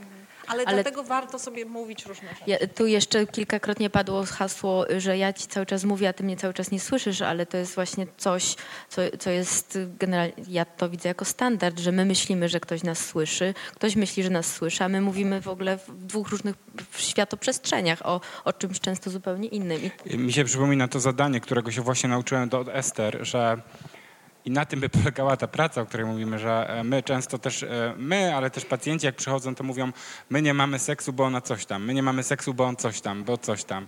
A Ester mnie nauczyła pytać ludzi, a co ty robisz, żeby nie mieć seksu? Co, co, I nawet dajemy taką tabelkę teraz pacjentom, a co robisz, co, co zrobiłeś w tym tygodniu, żeby nie mieć seksu? Na przykład, tak, pan wypisuje. E, nosiłem śmierdzące skarpetki, e, masturbowałem się, oglądałem pornografię, e, byłem dla niej niemiły, e, nie zjadłem kolacji, ja wiedziałem, że jej zależy i tak dalej, i tak dalej. My robimy mnóstwo sami rzeczy, które wiemy doskonale, że jeśli, jeśli powiemy A, to B nie będzie, a C to już w ogóle nie będzie. E, ale e, też e, a propos tego, co też mówiłaś i, i co pani mówi o tej pracy, że jest taki świetny film dokumentalny, on niestety nie wszedł do polskiej dystrybucji, nazywa się Happily Ever After i pokazuje, to jest taki film dokumentalny, o, taka reżyserka z, zrobiła o życiu, e, które mamy właśnie po, po zawarciu związku małżeńskiego, jak to wygląda?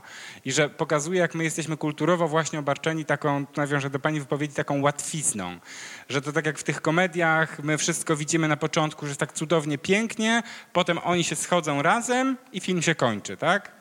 Nie wiemy, co dalej. E, no, polecam, na pewno jest do obejrzenia. No tak, mamy pracę.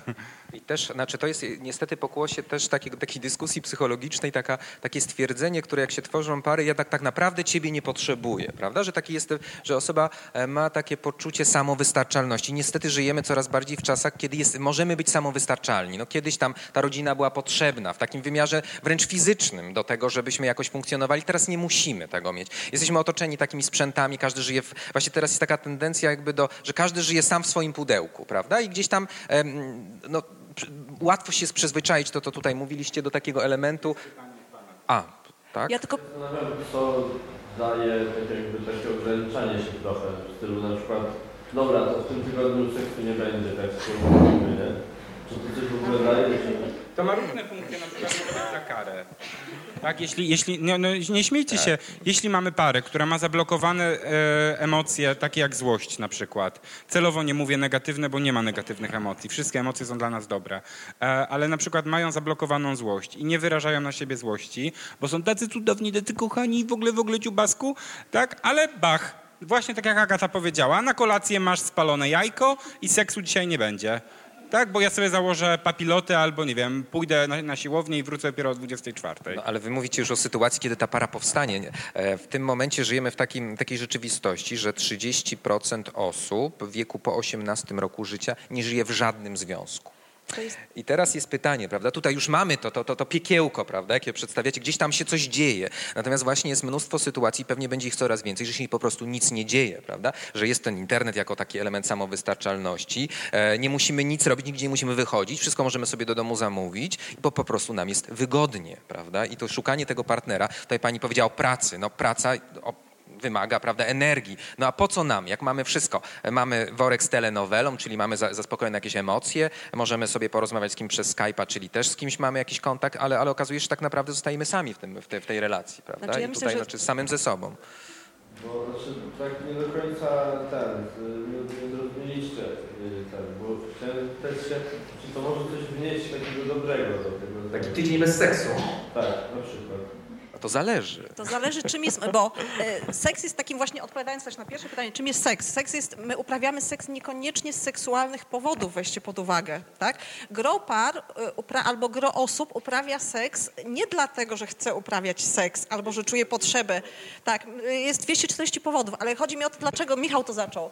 Uprawiamy albo nie uprawiamy seks, bo się złościmy na partnera. Michał powiedział o takiej sytuacji, kiedy nie uprawiam seksu, bo jestem zła. Ja powiem, mam sytuację w gabinecie, kiedy partnerka, będąc wściekła na swojego partnera, rozpoczęła z nim uprawianie seksu, ale jak już dochodził, mówiąc kolokwialnie, powiedziała, nie, ja już dziękuję ci. Tak? I to był przejaw dopiero do kopania mu. Tak? W związku z tym to, to, czy uprawiamy, czy nie, jest związane z szeregiem. Czasami uprawiamy seks, bo to jest sposób na nudę, bo chcemy sobie to coś udowodnić. My myślimy, że ten facet, który ma dużo partnerek, to jest taki ogier. Często nie, to jest facet często z niską samooceną czasami, tak? I to jest tak, że te motywy pozaseksualne są. I jak tutaj jest pytanie, co daje tydzień bez seksu, to zależy, co pod tym się kryje. Czy chcemy sobie zrobić przerwę, bo na przykład jak jemy codziennie makaron, to nawet ulubiony makaron może przestać być fajny, tak? I jak sobie zrobimy przerwę tydzień od makaronu, to potem jemy go z chęcią. I wtedy jest okej. Natomiast jak my robimy to po to, żeby komuś dokopać albo manipulować, to niekoniecznie. Tak? Ale jeśli chcemy sobie urozmaicić i na przykład poprzez to, że nie będziemy przez tydzień uprawiać seksu, będziemy chodzić przez tydzień nakręceni, to czemu nie? A ja zależy, co kto chce. A ja jeszcze dodam o takich aktywnościach tak zwanych pozagenitalnej seksualności, a mianowicie w momentach, kiedy można brakiem seksu uprawiać seks, właśnie manipulując, ale w- pod pełną kontrolą. Myślę o dominacji i uległości jako związkach opartych na dynamice władzy, gdzie właśnie odmawianie partnerowi seksu jest dla niego największym seksem albo partnerce. To jest jedna sprawa, a druga, drugie jeszcze z alternatywnych związków to są związki tantryczne, które pracują ze swoją energią, uprawiając, nie uprawiając seksu fizycznie, uprawiając seks cały czas będąc w zgodzie ze wszechświatem, po- powodując, że energia cały czas seksualna płynie. Więc tych A, a ja e, chciałbym odpowiedzieć na, już, e, na to, co, o co zapytałeś, o to, czy zmierzamy w takim kierunku samowystarczalności. To, e, I to już zupełnie pewnie odchodząc od chyba tematu seksu, to myślę, że nie, bo cały czas przychodzą ludzie, których największym problemem jest samotność, bo w życiu każdego z nas, tak jak tu siedzimy, przyjdzie taki moment, w którym będziemy musieli potrzymać kogoś za rękę i nie będziemy wtedy ani ładni, ani seksowni. Jeśli będziemy mieli takie szczęście, to ktoś nas za tą rękę złapie, a jeśli nie będziemy mieli tego szczęścia, to będziemy sami. E, I, i myślę, że, że e, to zawsze wygrywa. Ale też z drugiej strony, bo myślę, że to jest tak jak w miłości, w seksie i w związkach, że coś ma też drugą stronę, że pamiętajmy, że partner czy partnerka nie jest sposobem na szczęście. To jest to, jak czasami zdarza się, że ludzie przeskakują z jednego związku do drugiego, bo się boją być sami.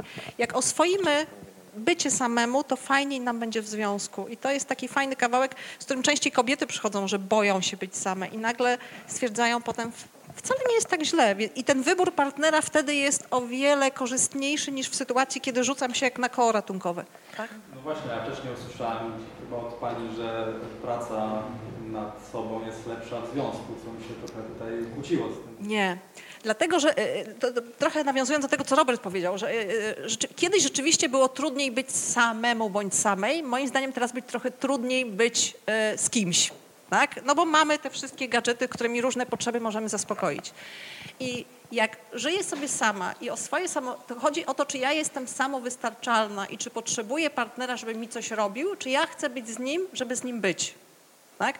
Jeżeli rzucam się na partnera jak na koło ratunkowe i on ma mi zapewnić poczucie bezpieczeństwa i szczęście, to to nie jest fajna rzecz. Albo rzucam się z lęku przed samotnością. Natomiast jak ja oswoję swoją samotność i stwierdzę, okej, ja sobie radzę, ale pomimo tego, ja nie chcę partnera, żeby, sobie, żeby on radził sobie za mnie, tak? Nie chcę się na nim powiesić, ale chcę go, bo on mnie ciekawie intryguje, bo chcę z taką osobą być, tak? I też już będąc z nim, odkrywam w sobie różne rzeczy, bo nie jestem w stanie odkryć swoich słabości, będąc tylko sama bo jestem w stanie z tymi słabościami sobie poradzić, ale będąc z kimś odkrywam, że kurczę, no tu jednak coś jest, tu coś jest i fajnie, jeśli nad tym jestem w stanie pracować w związku. Nie wiem, czy mnie pan rozumie, czy odpowiedziałam jasno, co miałam na myśli, czy... Znaczy nawet odwołując się, proszę Państwa, do takiej, można powiedzieć, mechaniki seksu. Jest cykl reakcji seksualnej człowieka e, i tutaj bardzo długo sądzono, że ten cykl wygląda tak, znaczy sądzono, e, są- li- linearnie wygląda, to znaczy chodzi, że są poszczególne, przechodzi się przez poszczególne fazy i jak, jeżeli dojdzie do tego orgazmu, to w takim razie już teraz możemy postawić kropkę nad i, jest szczęście w seksie. E, W 2001 roku pojawił się taki model Rozmary Basson, która e, trochę, znaczy trochę, zupełnie zmieniła podejście do seksualności. Gdzieś tam tak spina to, e, o czym wy mówicie, e, że w tym momencie do spełnienia seksualnego jest mnóstwo, czy to oceny satysfakcji seksualnej jest mnóstwo pozaseksualnych elementów i dopiero wówczas e, to spełnienie e, będzie, będzie w takim rozumieniu e, subiektywnym pełne. E, Czyli, czyli właśnie, e, właśnie to, te, te, wszystkie elementy, które tu były określone jako pozaseksualne i w tym momencie te elementy są nawet można powiedzieć bardziej istotne w ocenie, w ocenie satysfakcji seksualnej niż przejście przez te wszystkie fazy reakcji seksualnej. I tutaj oceniając zdrowie seksualne właśnie odnosimy się do tego bardzo szerokiego modelu, gdzie te, gdzie te elementy pozaseksualne również są e, włączone. To było też powiedziane a propos tego, że właśnie związki, że te wszystkie zabawki ograniczają nam kontakt z ludźmi innymi. Owszem, jak najbardziej, ale też z nami samymi, bo ja myślę, że w ogóle połowa z nas nie potrafi oddychać pełną piersią albo w ogóle czuć, gdzie co nas boli, reagować na to, co mówi nam nasze ciało. I też ym, myślałam o takim, takim społeczeństwie, jakim, jakie zaczynamy tworzyć, a mianowicie zde, zdeprawowanym, znaczy, z, że odbieramy sobie sami prawo do dotyku i mówię nie tylko siebie samych, w sensie takim, żeby świadomie na przykład wziąć prysznic, który nie trwa dwóch minut, bo się spóźnię do pracy, tylko 15 minut, czując namydlony każdy włos, ale ym, też takim dotyku, który, jest, który tworzy więź w ogóle międzyludzką. I też nie mówię tutaj o stricte kontaktach seksualnych z osobami, z naszymi przyszłymi partnerami czy partnerkami seksualnymi, ale z osobami bliskimi, które po prostu lubimy, żeby czasem właśnie dać sobie przyzwolenie na, ten, na trochę bycie człowiekiem i właśnie się przytulić, smoknąć i być dla siebie czułym, bo to też jak gdyby żyjemy coraz częściej, przychodzi do nas ta amerykańska panika, że zaraz po prostu wszystko będzie nadużyciem, że każdy po prostu dotyk będzie formą zmanipulowania kogoś i doprowadzenia do seksu. I uważam, że to jest bardzo smutne, bo jest, bardzo jesteśmy bezdotykowi, co, coraz bardziej. A to jest pierwszy jak gdyby krok, żeby w ogóle tą, nazwę to teraz może energią seksualną niepotrzebnie, nienaukowo, ale czymś, co w ogóle powoduje jakąś taką chęć y, do aktywizacji. Nie. Do prostytutki też można pójść i się z nami całować, prawda? Tylko czy my to lubimy. No więc mówię, każdy lubi inaczej, każdy coś innego. Gdyby nie było zapotrzebowania na prostytutki, to by nie istniały prostytutki, więc ktoś tam chodzi, tak? Pytanie, jak wracają do domu, czy dotykają i całują? E, ja, tak. I mówią kocham, proszę pana. Tak. To taki jest niestety.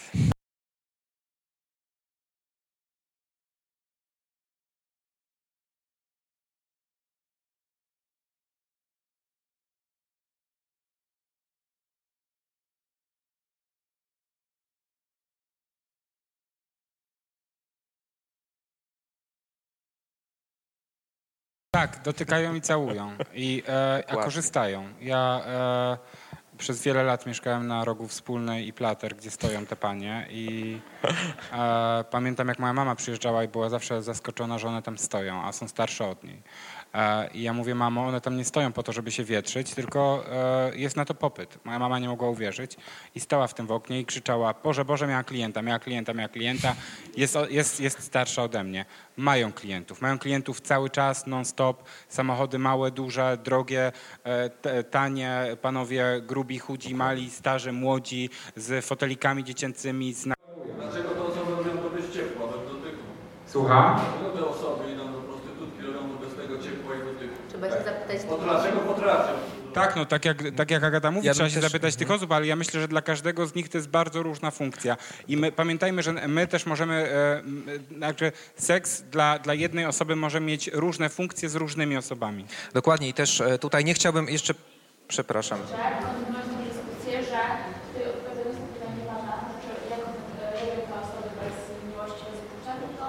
odpowiedzi na, bo za karę nie. Proszę Państwa, ale też, e, też właśnie to jest też tak, e, takie mogło być wrażenie, że idzie się do prostytutki czy do osoby, która, która oferuje płatne usługi seksualne i tam e, w jakiś sposób mechanicznie się ten seks uprawia. E, Nie jest tak do końca. Ja robiłem badania mm, właśnie nad e, kobietami świadczącymi płatne usługi. One wielokrotnie opowiadały, że klienci przychodzili na przykład, żeby się wyżalić.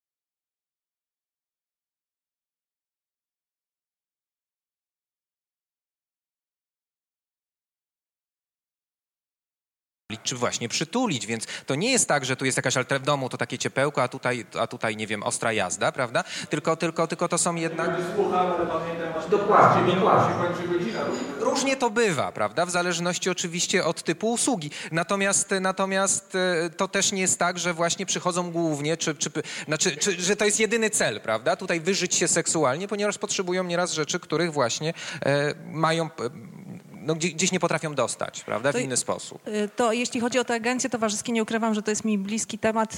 E, Spędziłam pół roku w agencjach towarzyskich robiąc badania. Od razu wyjaśniam, robiąc badania.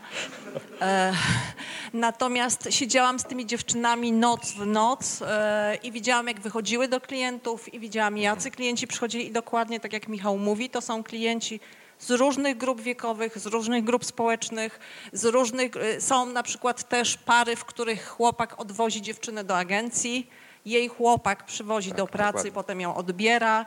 E, przywozi też czasami z fotelikiem, z dzieckiem. Różnie jest naprawdę w tych agencjach, różnie jest zapotrzebowanie, e, różny jest wiek dziewczyn, które uprawiają prostytucję. Są to bardzo różne dziewczyny, ale mają, spo, przynajmniej jak ja te pół roku siedziałam, za każdym razem byli klienci. Tak? W związku z tym to nie jest coś, co jest, z czego nikt nie korzysta. Z tego korzystają mężczyźni, a też mam w gabinecie mężczyzn, którzy korzystają z prostytucji, mając swoje partnerki, będąc samym albo mając swoje partnerki, które czasami wiedzą, a czasami nie wiedzą. Więc ludzie mają bardzo różnie w swoim życiu. Tak? A jeżeli już wiedzą partnerzy, to akceptują to? No to, to bardzo różnie. To jeśli wiedzą, to, to, to różnie. Ja chciałem tylko powiedzieć, że e, niektórzy z Państwa i niektórzy ludzie uprawiają seks tylko wtedy, kiedy kochają i to jest dla nich najlepszy seks. A wiele osób na świecie uprawia seks i nie kocha wtedy i nie ma uczuć i mają równie fantastyczny seks wtedy. I Tak to oceniają, prawda? tak to, tak, tak, tak to oceniają. I ja nie będę oceniał tego, czy to jest dobre, czy nie jest to dobre, bo ta, nie taka jest moja rola. Ja wierzę, że, że seks może być dobry nie tylko z miłości, e, a może być pewnie bardzo dobry z miłości. Proszę Państwa, czas już prawie nasz się skończył, ale tutaj chciałbym Państwa właśnie do pytań zachęcić. I to jest właśnie ten czas dla Państwa. Mam takie pytanie, jakie są kierunki rozwoju edukacji seksualnej w Polsce? Państwo mówili, że byli na tych konferencjach. E, jakie są szanse na rozwój? I Znaczy, na razie jej nie ma, więc tutaj myślimy bardziej o sytuacji takiej, żeby jakakolwiek była. Co ciekawe, teraz takie badania mm, pojawiły się, znaczy mm, pan profesor Starowicz e, o nich, mm, e, znaczy pan profesor prowadził te badania. Chodzi o to, że edukację seksualną w tym momencie mamy o wiele gorszą niż była 20 lat temu.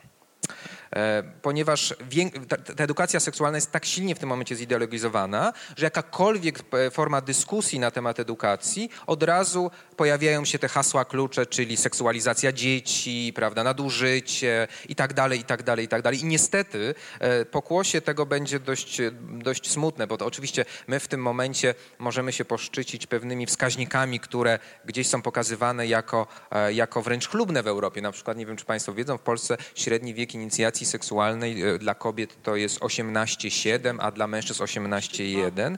e, 18,1. Natomiast to jakby nijak się ma do rzeczywistości, w takim wymiarze, że oczywiście edu- jeżeli chodzi o kontakt genitalno-genitalny, to on może jest późno, natomiast wszelkie inne typy kontaktów seksualnych są rozpoczęte dużo wcześniej. No i tak dalej, i tak dalej. Tutaj, jeżeli chodzi o, e, o problem edukacji, to niestety w tym momencie mamy problem zero-jedynkowy, po prostu jej nie ma. Ja jest mów- słaba.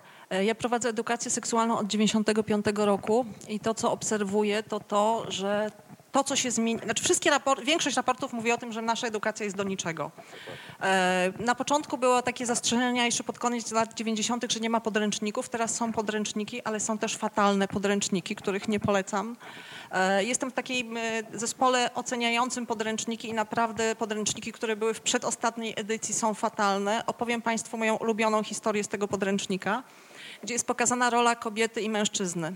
E, Kiedy Bogdan wraca do domu, z drżeniem serca myślę o tym, czy, za, czy zauważy nowe firanki, które powiesiłam. I w tym tonie jest historyjka, to jest dla gimnazjum, opowieść. Tak?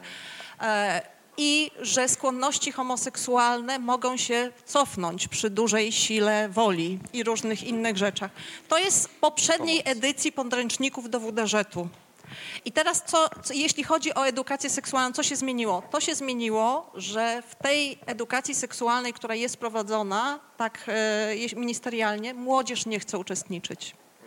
Dlatego, że oni bardzo często mówią, że takich bzdur to oni nie chcą słuchać. I jaki jest tego minus? Że sięgają do internetu, gdzie właśnie dostają treści bardzo chaotyczne, bardzo wulgarne i nieprzystające do wieku. Natomiast oni często sami mówią, że nie chcą uczestniczyć w takich zajęciach, gdzie to jest prowadzone w taki sposób.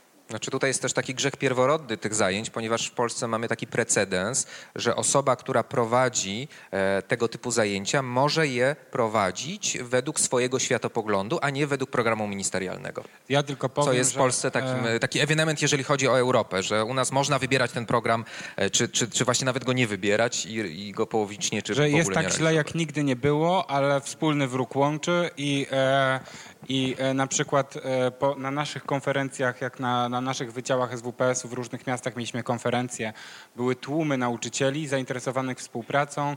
E, w przyszłym miesiącu prowadzę dla młodzieży na SWPS-ach w całej Polsce e, warsztaty o bezpiecznym seksie i już na ten moment na przykład chyba we Wrocławiu mamy ponad 800 osób zapisanych. E, Na kilka tur musimy to rozbić. Tak więc z jednej strony jest źle, ale z drugiej mamy bardzo wielu fantastycznych, mądrych nauczycieli i, i robią fajne inicjatywy. A w ramach reklam i konferencji w tym tygodniu jest taka konferencja realizowana przez Uniwersytet Warszawski Pornografos. Tutaj e, emancypacja rynku porno właśnie i porno omawiane po prostu z bardzo różnych perspektyw i też Państwa, ten wstęp jest wolny, e, zachęcam to e, Instytut, Instytut Badań Społecznych, tak? Dobrze mówię? Czy Państwo mają jeszcze jakieś pytania do nas? Ja Państwu polecam, żebyście Państwo sprawdzili na przykład na Edarli statystycznie, ile nauczycieli, pedagogów jest osobami samotnymi, którzy się zgłaszają do Was na takie zajęcia. Ja Wam powiem, że w moim przedziale wiekowym jest 25% na wszystkie statystyki, które schodzą do mnie. 25% pedagogów i nauczycieli to osoby po rozwodach, samotne, szukające. Psycholodzy też nie mają łatwego życia.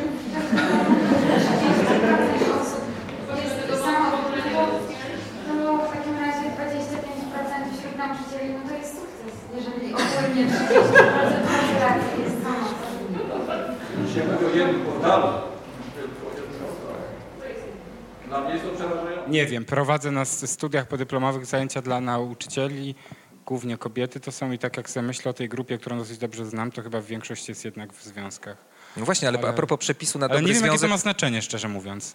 Kiedyś czytałem taki, takie opracowanie, że wcale przepis na związek to nie jest związek dwóch psychologów, ponieważ i to nawet e, pamiętam, e, jak e, mój kolega z grupy, który miał rodziców psychologów, gdzieś tam k- kiedyś zrobił im wręcz awanturę, dlaczego oni wszystko chcą przegadywać, a nie potrafią po prostu, nie wiem, nic nie mówić i w ogóle trzasnąć drzwiami.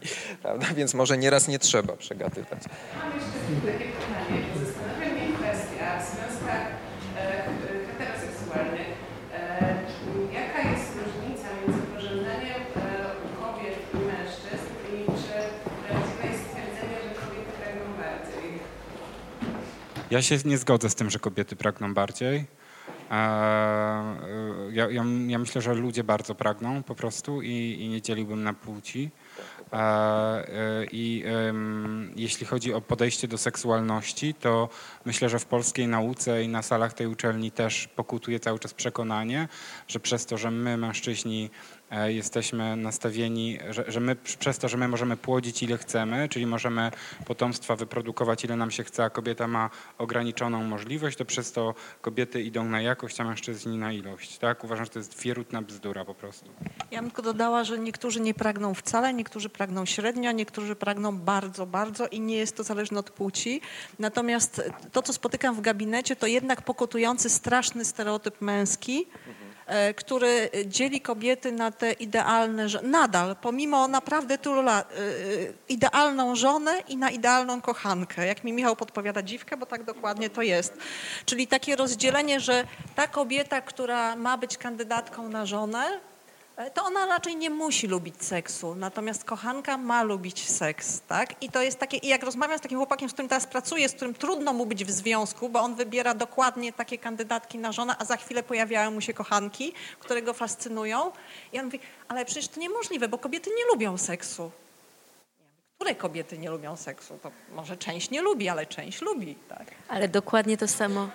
Jeszcze o to w takim rozumieniu, bo to też zależy od e, e, inteligencji emocjonalnej, e, która nie jest też zależna od wieku, e, że też związaną z takim stereotypem, że e, kobiety pragną miłości, a mężczyźni seksu. Takim czymś byliśmy karmieni.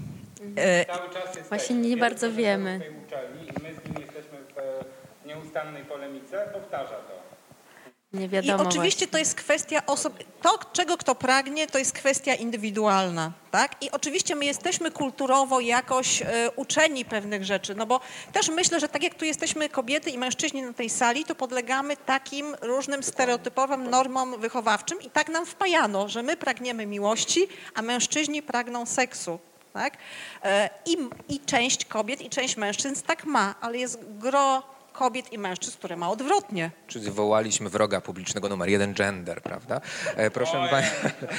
Tak, proszę Państwa, no tutaj oczywiście mówimy o tym, e, jakby też odpowiadając na Pani pan- pytanie, czy to jest jasne pryzmatem płci. E, Też mamy tym w sensie klinicznym bardzo e, poważny problem, bo na przykład, e, nie wiem, e, dużo seksu, jeżeli się powie i na przykład mamy kobietę, która twierdzi, że ma wielu partnerów, a mężczyznę, który powie, że ma wiele partnerek, to nawet e, nieświadomie zaczynamy wartościować, prawda, że tutaj ta kobieta to, to, to właśnie taka, a mężczyzna to w ogóle jakiś bohater, prawda, bo on ma dużo tego seksu.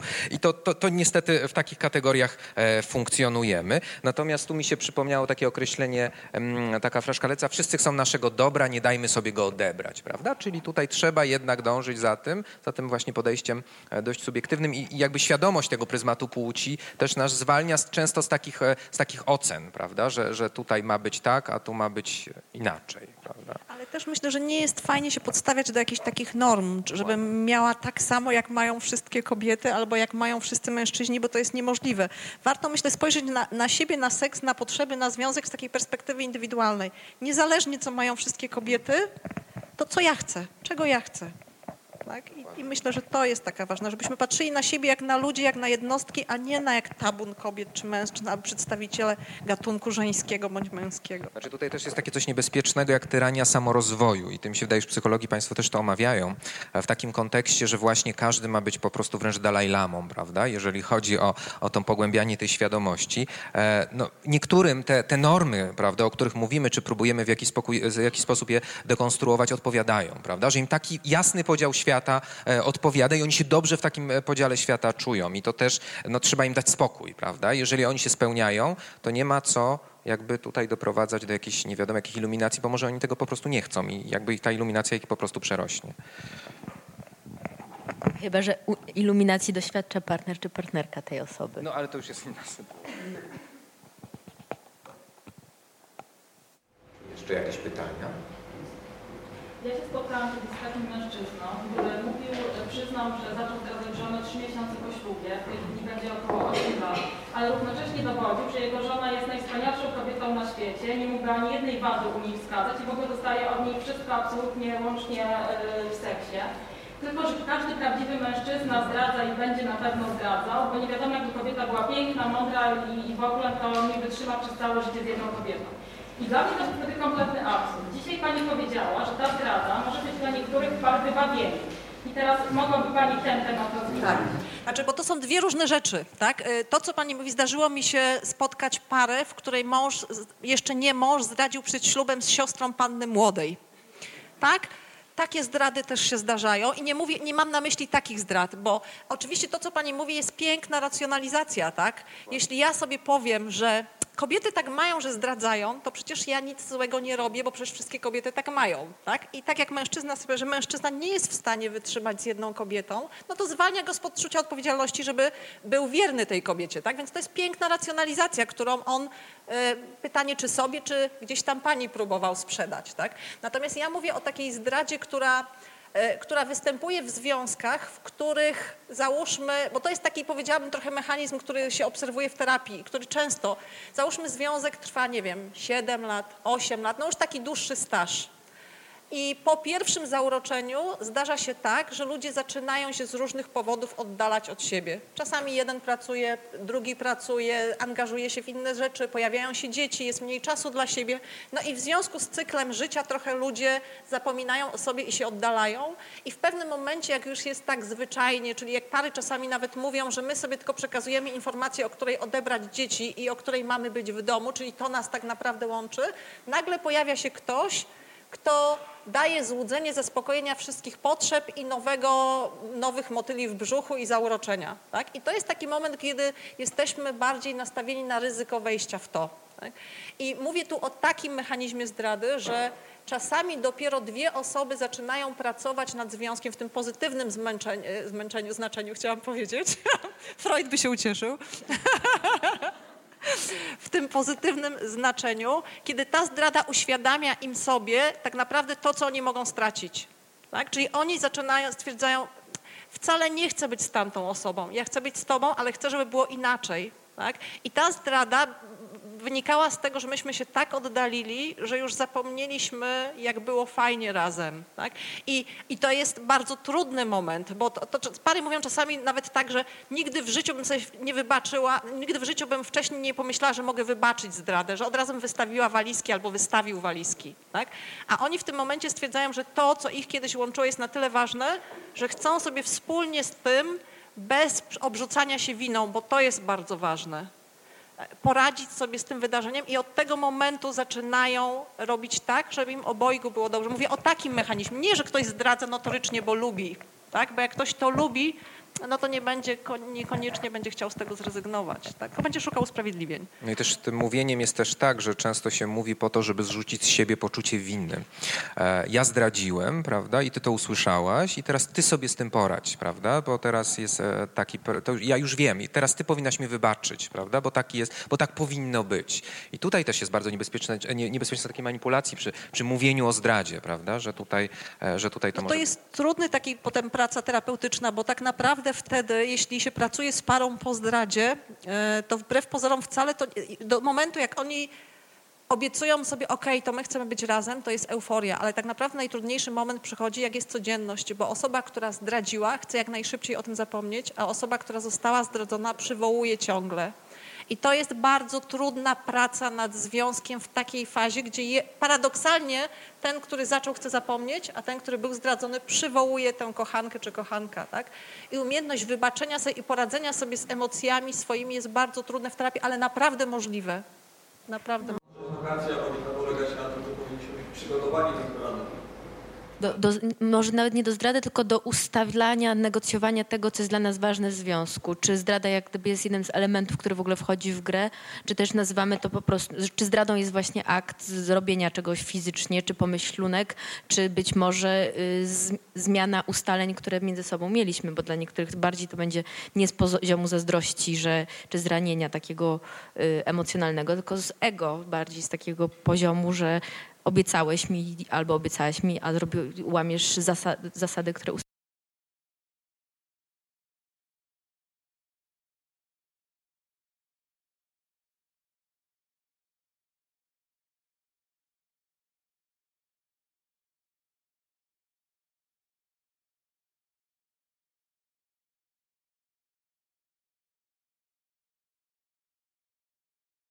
ustaliliśmy.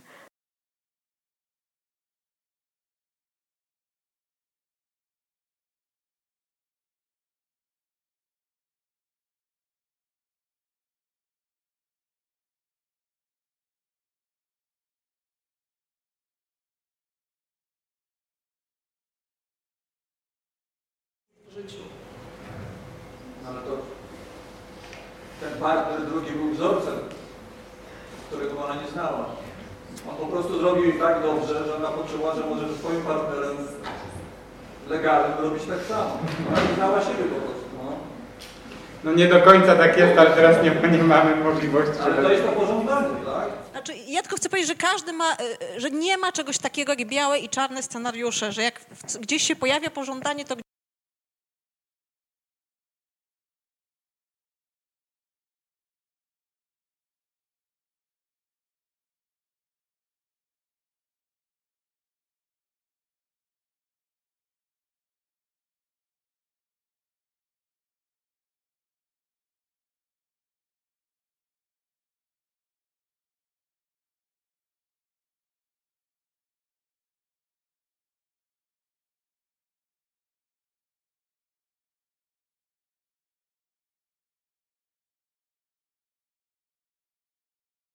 gdzieś znika. Tak? Różnie to naprawdę jest, dlatego tak mówimy też o tym pożądaniu, bo oczywiście to jest też tak, że my czując pożądanie nie musimy go zawsze realizować. Tak? Nasz, tak, dokładnie, tak, że to jest to, co gdzieś co wyznacza też kryteria normy, tak? Że my możemy odczuwać pożądanie w różnych momentach i to, co się mówi, nie wiem, pokusy, czy jak to zwał, tak? No chyba nie ma człowieka, który by czasami nie miał, tak myślę sobie, ale może jest, chyba, że jest aseksualny, tak? Ale gdzieś różnego rodzaju nam mm, pomysły mniej lub bardziej realne powstają, tylko na szczęście to jest też tak, że my decydujemy, kiedy w coś wchodzimy, a kiedy nie. Ale sama świadomość, że też mogę mieć pokusy czy pożądania swoje, czy fantazje, też mnie chroni. Bo jeśli ja sobie powiem, to trochę tak jak z tym restrykcyjnością. Im więcej restrykcyjności, tym więcej niestety takich kawałków spod ciemnej gwiazdy, powiedziałabym. Tak, tak jak jest przy uzależnieniu od seksu, że najczęściej jest to z restrykcyjności, a nie z wybuzo- z takiego rozbuchania. Właśnie, a propos tego, co Pani powiedziała przed sekundą, to jak w takiej sytuacji obecnie u nas w kraju, która jest e, skonstruowana dość specyficznie i politycznie i wiązaniowo, stworzyć taki jakiś ogólny, e, wspólny i taki spojony front edukacyjny?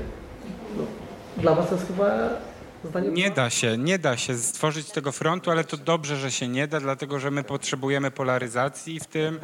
To jak jest restrykcja, to się to ludzie bardziej będą Nie, mówić. Tak Też jest tak, że no, no właśnie, jak jest restrykcja, to ludzie się bardziej mobilizują, ale nie da się stworzyć jasnego stanowiska tutaj.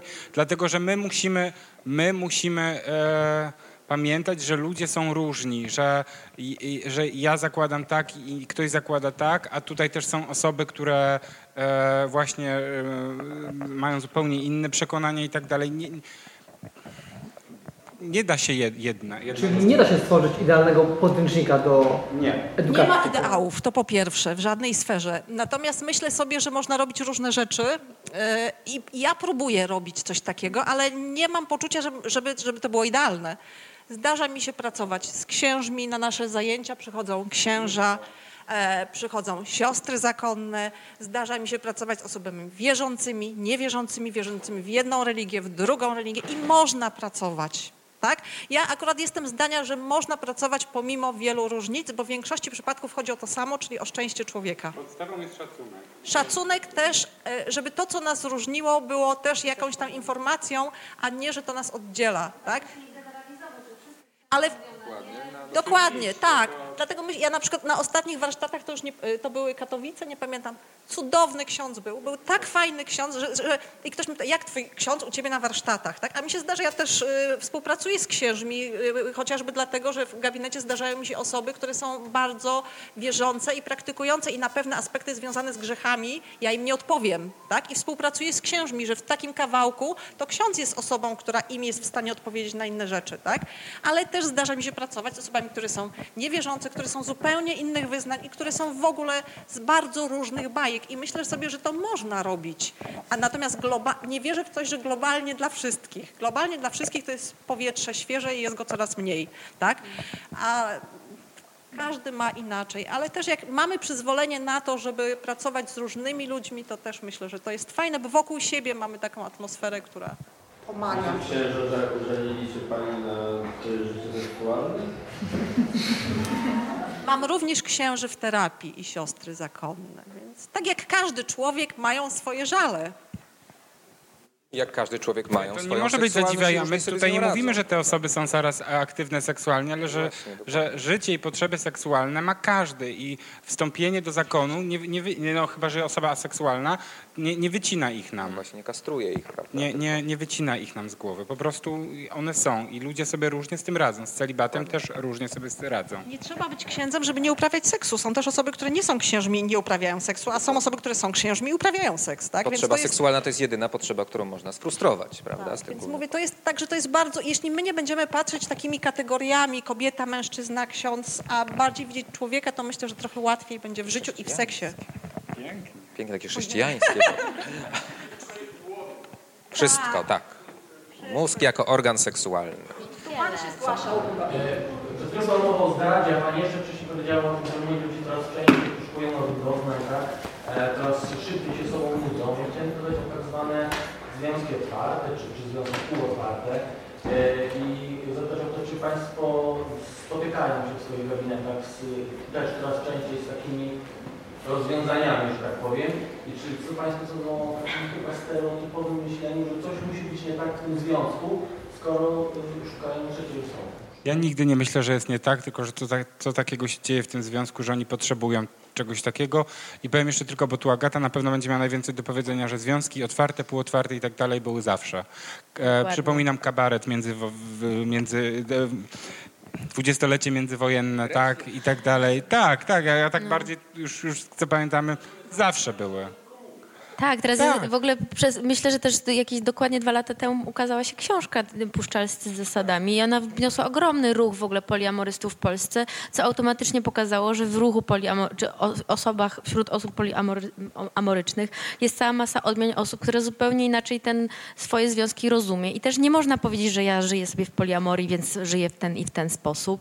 I powiem, że tak jak po twarzach Greja do mnie przychodzą ludzie, którzy nagle teraz chcą się wiązać, biczować i, i i okej, okay, to, to taka faza, y, która być może zostanie przydmuchnięta znowu jakąś nową modą, a są osoby, które jak gdyby niezależnie od literatury będą miały takie preferencje i praktyki y, i naszą rolą jest właściwie tutaj albo robić podstawy edukacji, stwarzać przestrzeń do negocjacji dla takich związków i też dopatrywać się, jaka jest motywacja, bo też motywacje są bardzo różne dla różnych osób.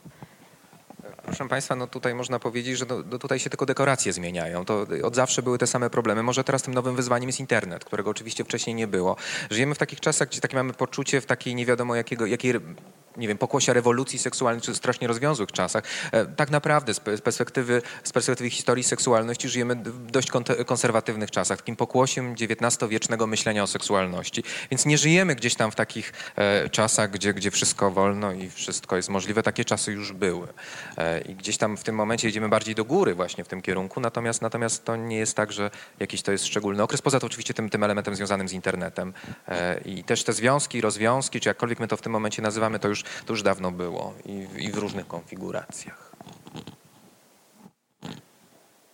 Ja tylko powiem, bo my się tak bulwersujemy. Jeszcze na koniec mogę, bo po prostu to mnie tutaj nas strasznie... wygonią za pięć minut. E, my się bulwersujemy gender, mówiąc my mam na myśli ludzi, bulwersujemy się gender i że mężczyźni się malują, a tak ostatnio właśnie zrobiłam sobie wieczór sentymentalny i włączyłam sobie stare teledyski z lat 80. Ilu tam było facetów wymalowanych po prostu rokowych. To, po, to dzisiejsze czasy i gender to 17... jest naprawdę... W XVII wieku.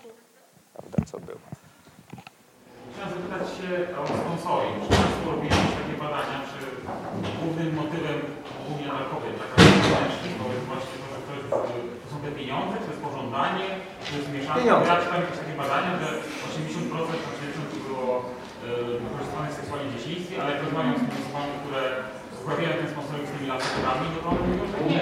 Nie mamy takiej, nie, nie mamy znaczy, Ja mam korelacji. takie badanie, nie, ja mam takie badania, ponieważ e, u mnie e, i prowadzę pracę magisterską, gdzieś tam e, prace o sponsoringu również powstały i głównie wychodzi jednak ta motywacja finansowa. Jako pierwsza motywacja. A one są uzależnione od seksu też, czy to bardziej E, tam nie, się pojawia to... bardzo często, jest, ja, ja, na to bardziej patrzę jako na zachowanie tak kompulsywne, na uzależnienie nie tyle od seksu, co od takiego stanu napięcia, ryzyka, e, poszukiwania, tak jak... Tak, Chociaż nie zawsze, nie zawsze, dokładnie. To nie są, zawsze, nie. ale tej motywacji jest, ale zaczyna się tak, od motywacji finansowej przeważnie się zaczyna. Zaczyna jasne, się. Jasne. Ale trudno skończyć nie z, nie z powodu finansów. No nie można stworzyć takiego, takiego nie wiem, modelowego, modelowej osoby, prawda, osobowości e, osoby, która, która właśnie tak, a nie inaczej, tak, nie inaczej sobie dorabia prawda? Tutaj, są, tutaj, tutaj mamy bardzo wiele różnych ścieżek i, i tak jak mówimy o płatnych usługach seksualnych, kiedyś tak było, prawda, że tam jasna rzecz, jasna motywacja, jasna osobowość, to co tutaj próbowaliśmy mówić, że na przykład e, ja prowadziłem takie badania na Śląsku, że e, kobiety świadczące płatne usługi seksualne okazały się bardziej konserwatywne tak naprawdę w swoich relacjach niż, e, niż jakby do, grupa ogólna, znaczy bardziej ceniły tam wartości rodzinne, oni tam miały swych mężów, jakoś tam oddzielały co niedzielę do kościoła, a tam praca jak praca prawda? Dobrze, proszę Państwa, e, no czas już tutaj nas e, ucina i musimy kończyć. No tak, no zgilotynował nas zegarek, można powiedzieć. Dobrze, proszę Państwa, e, to dziękujemy bardzo za, za przybycie.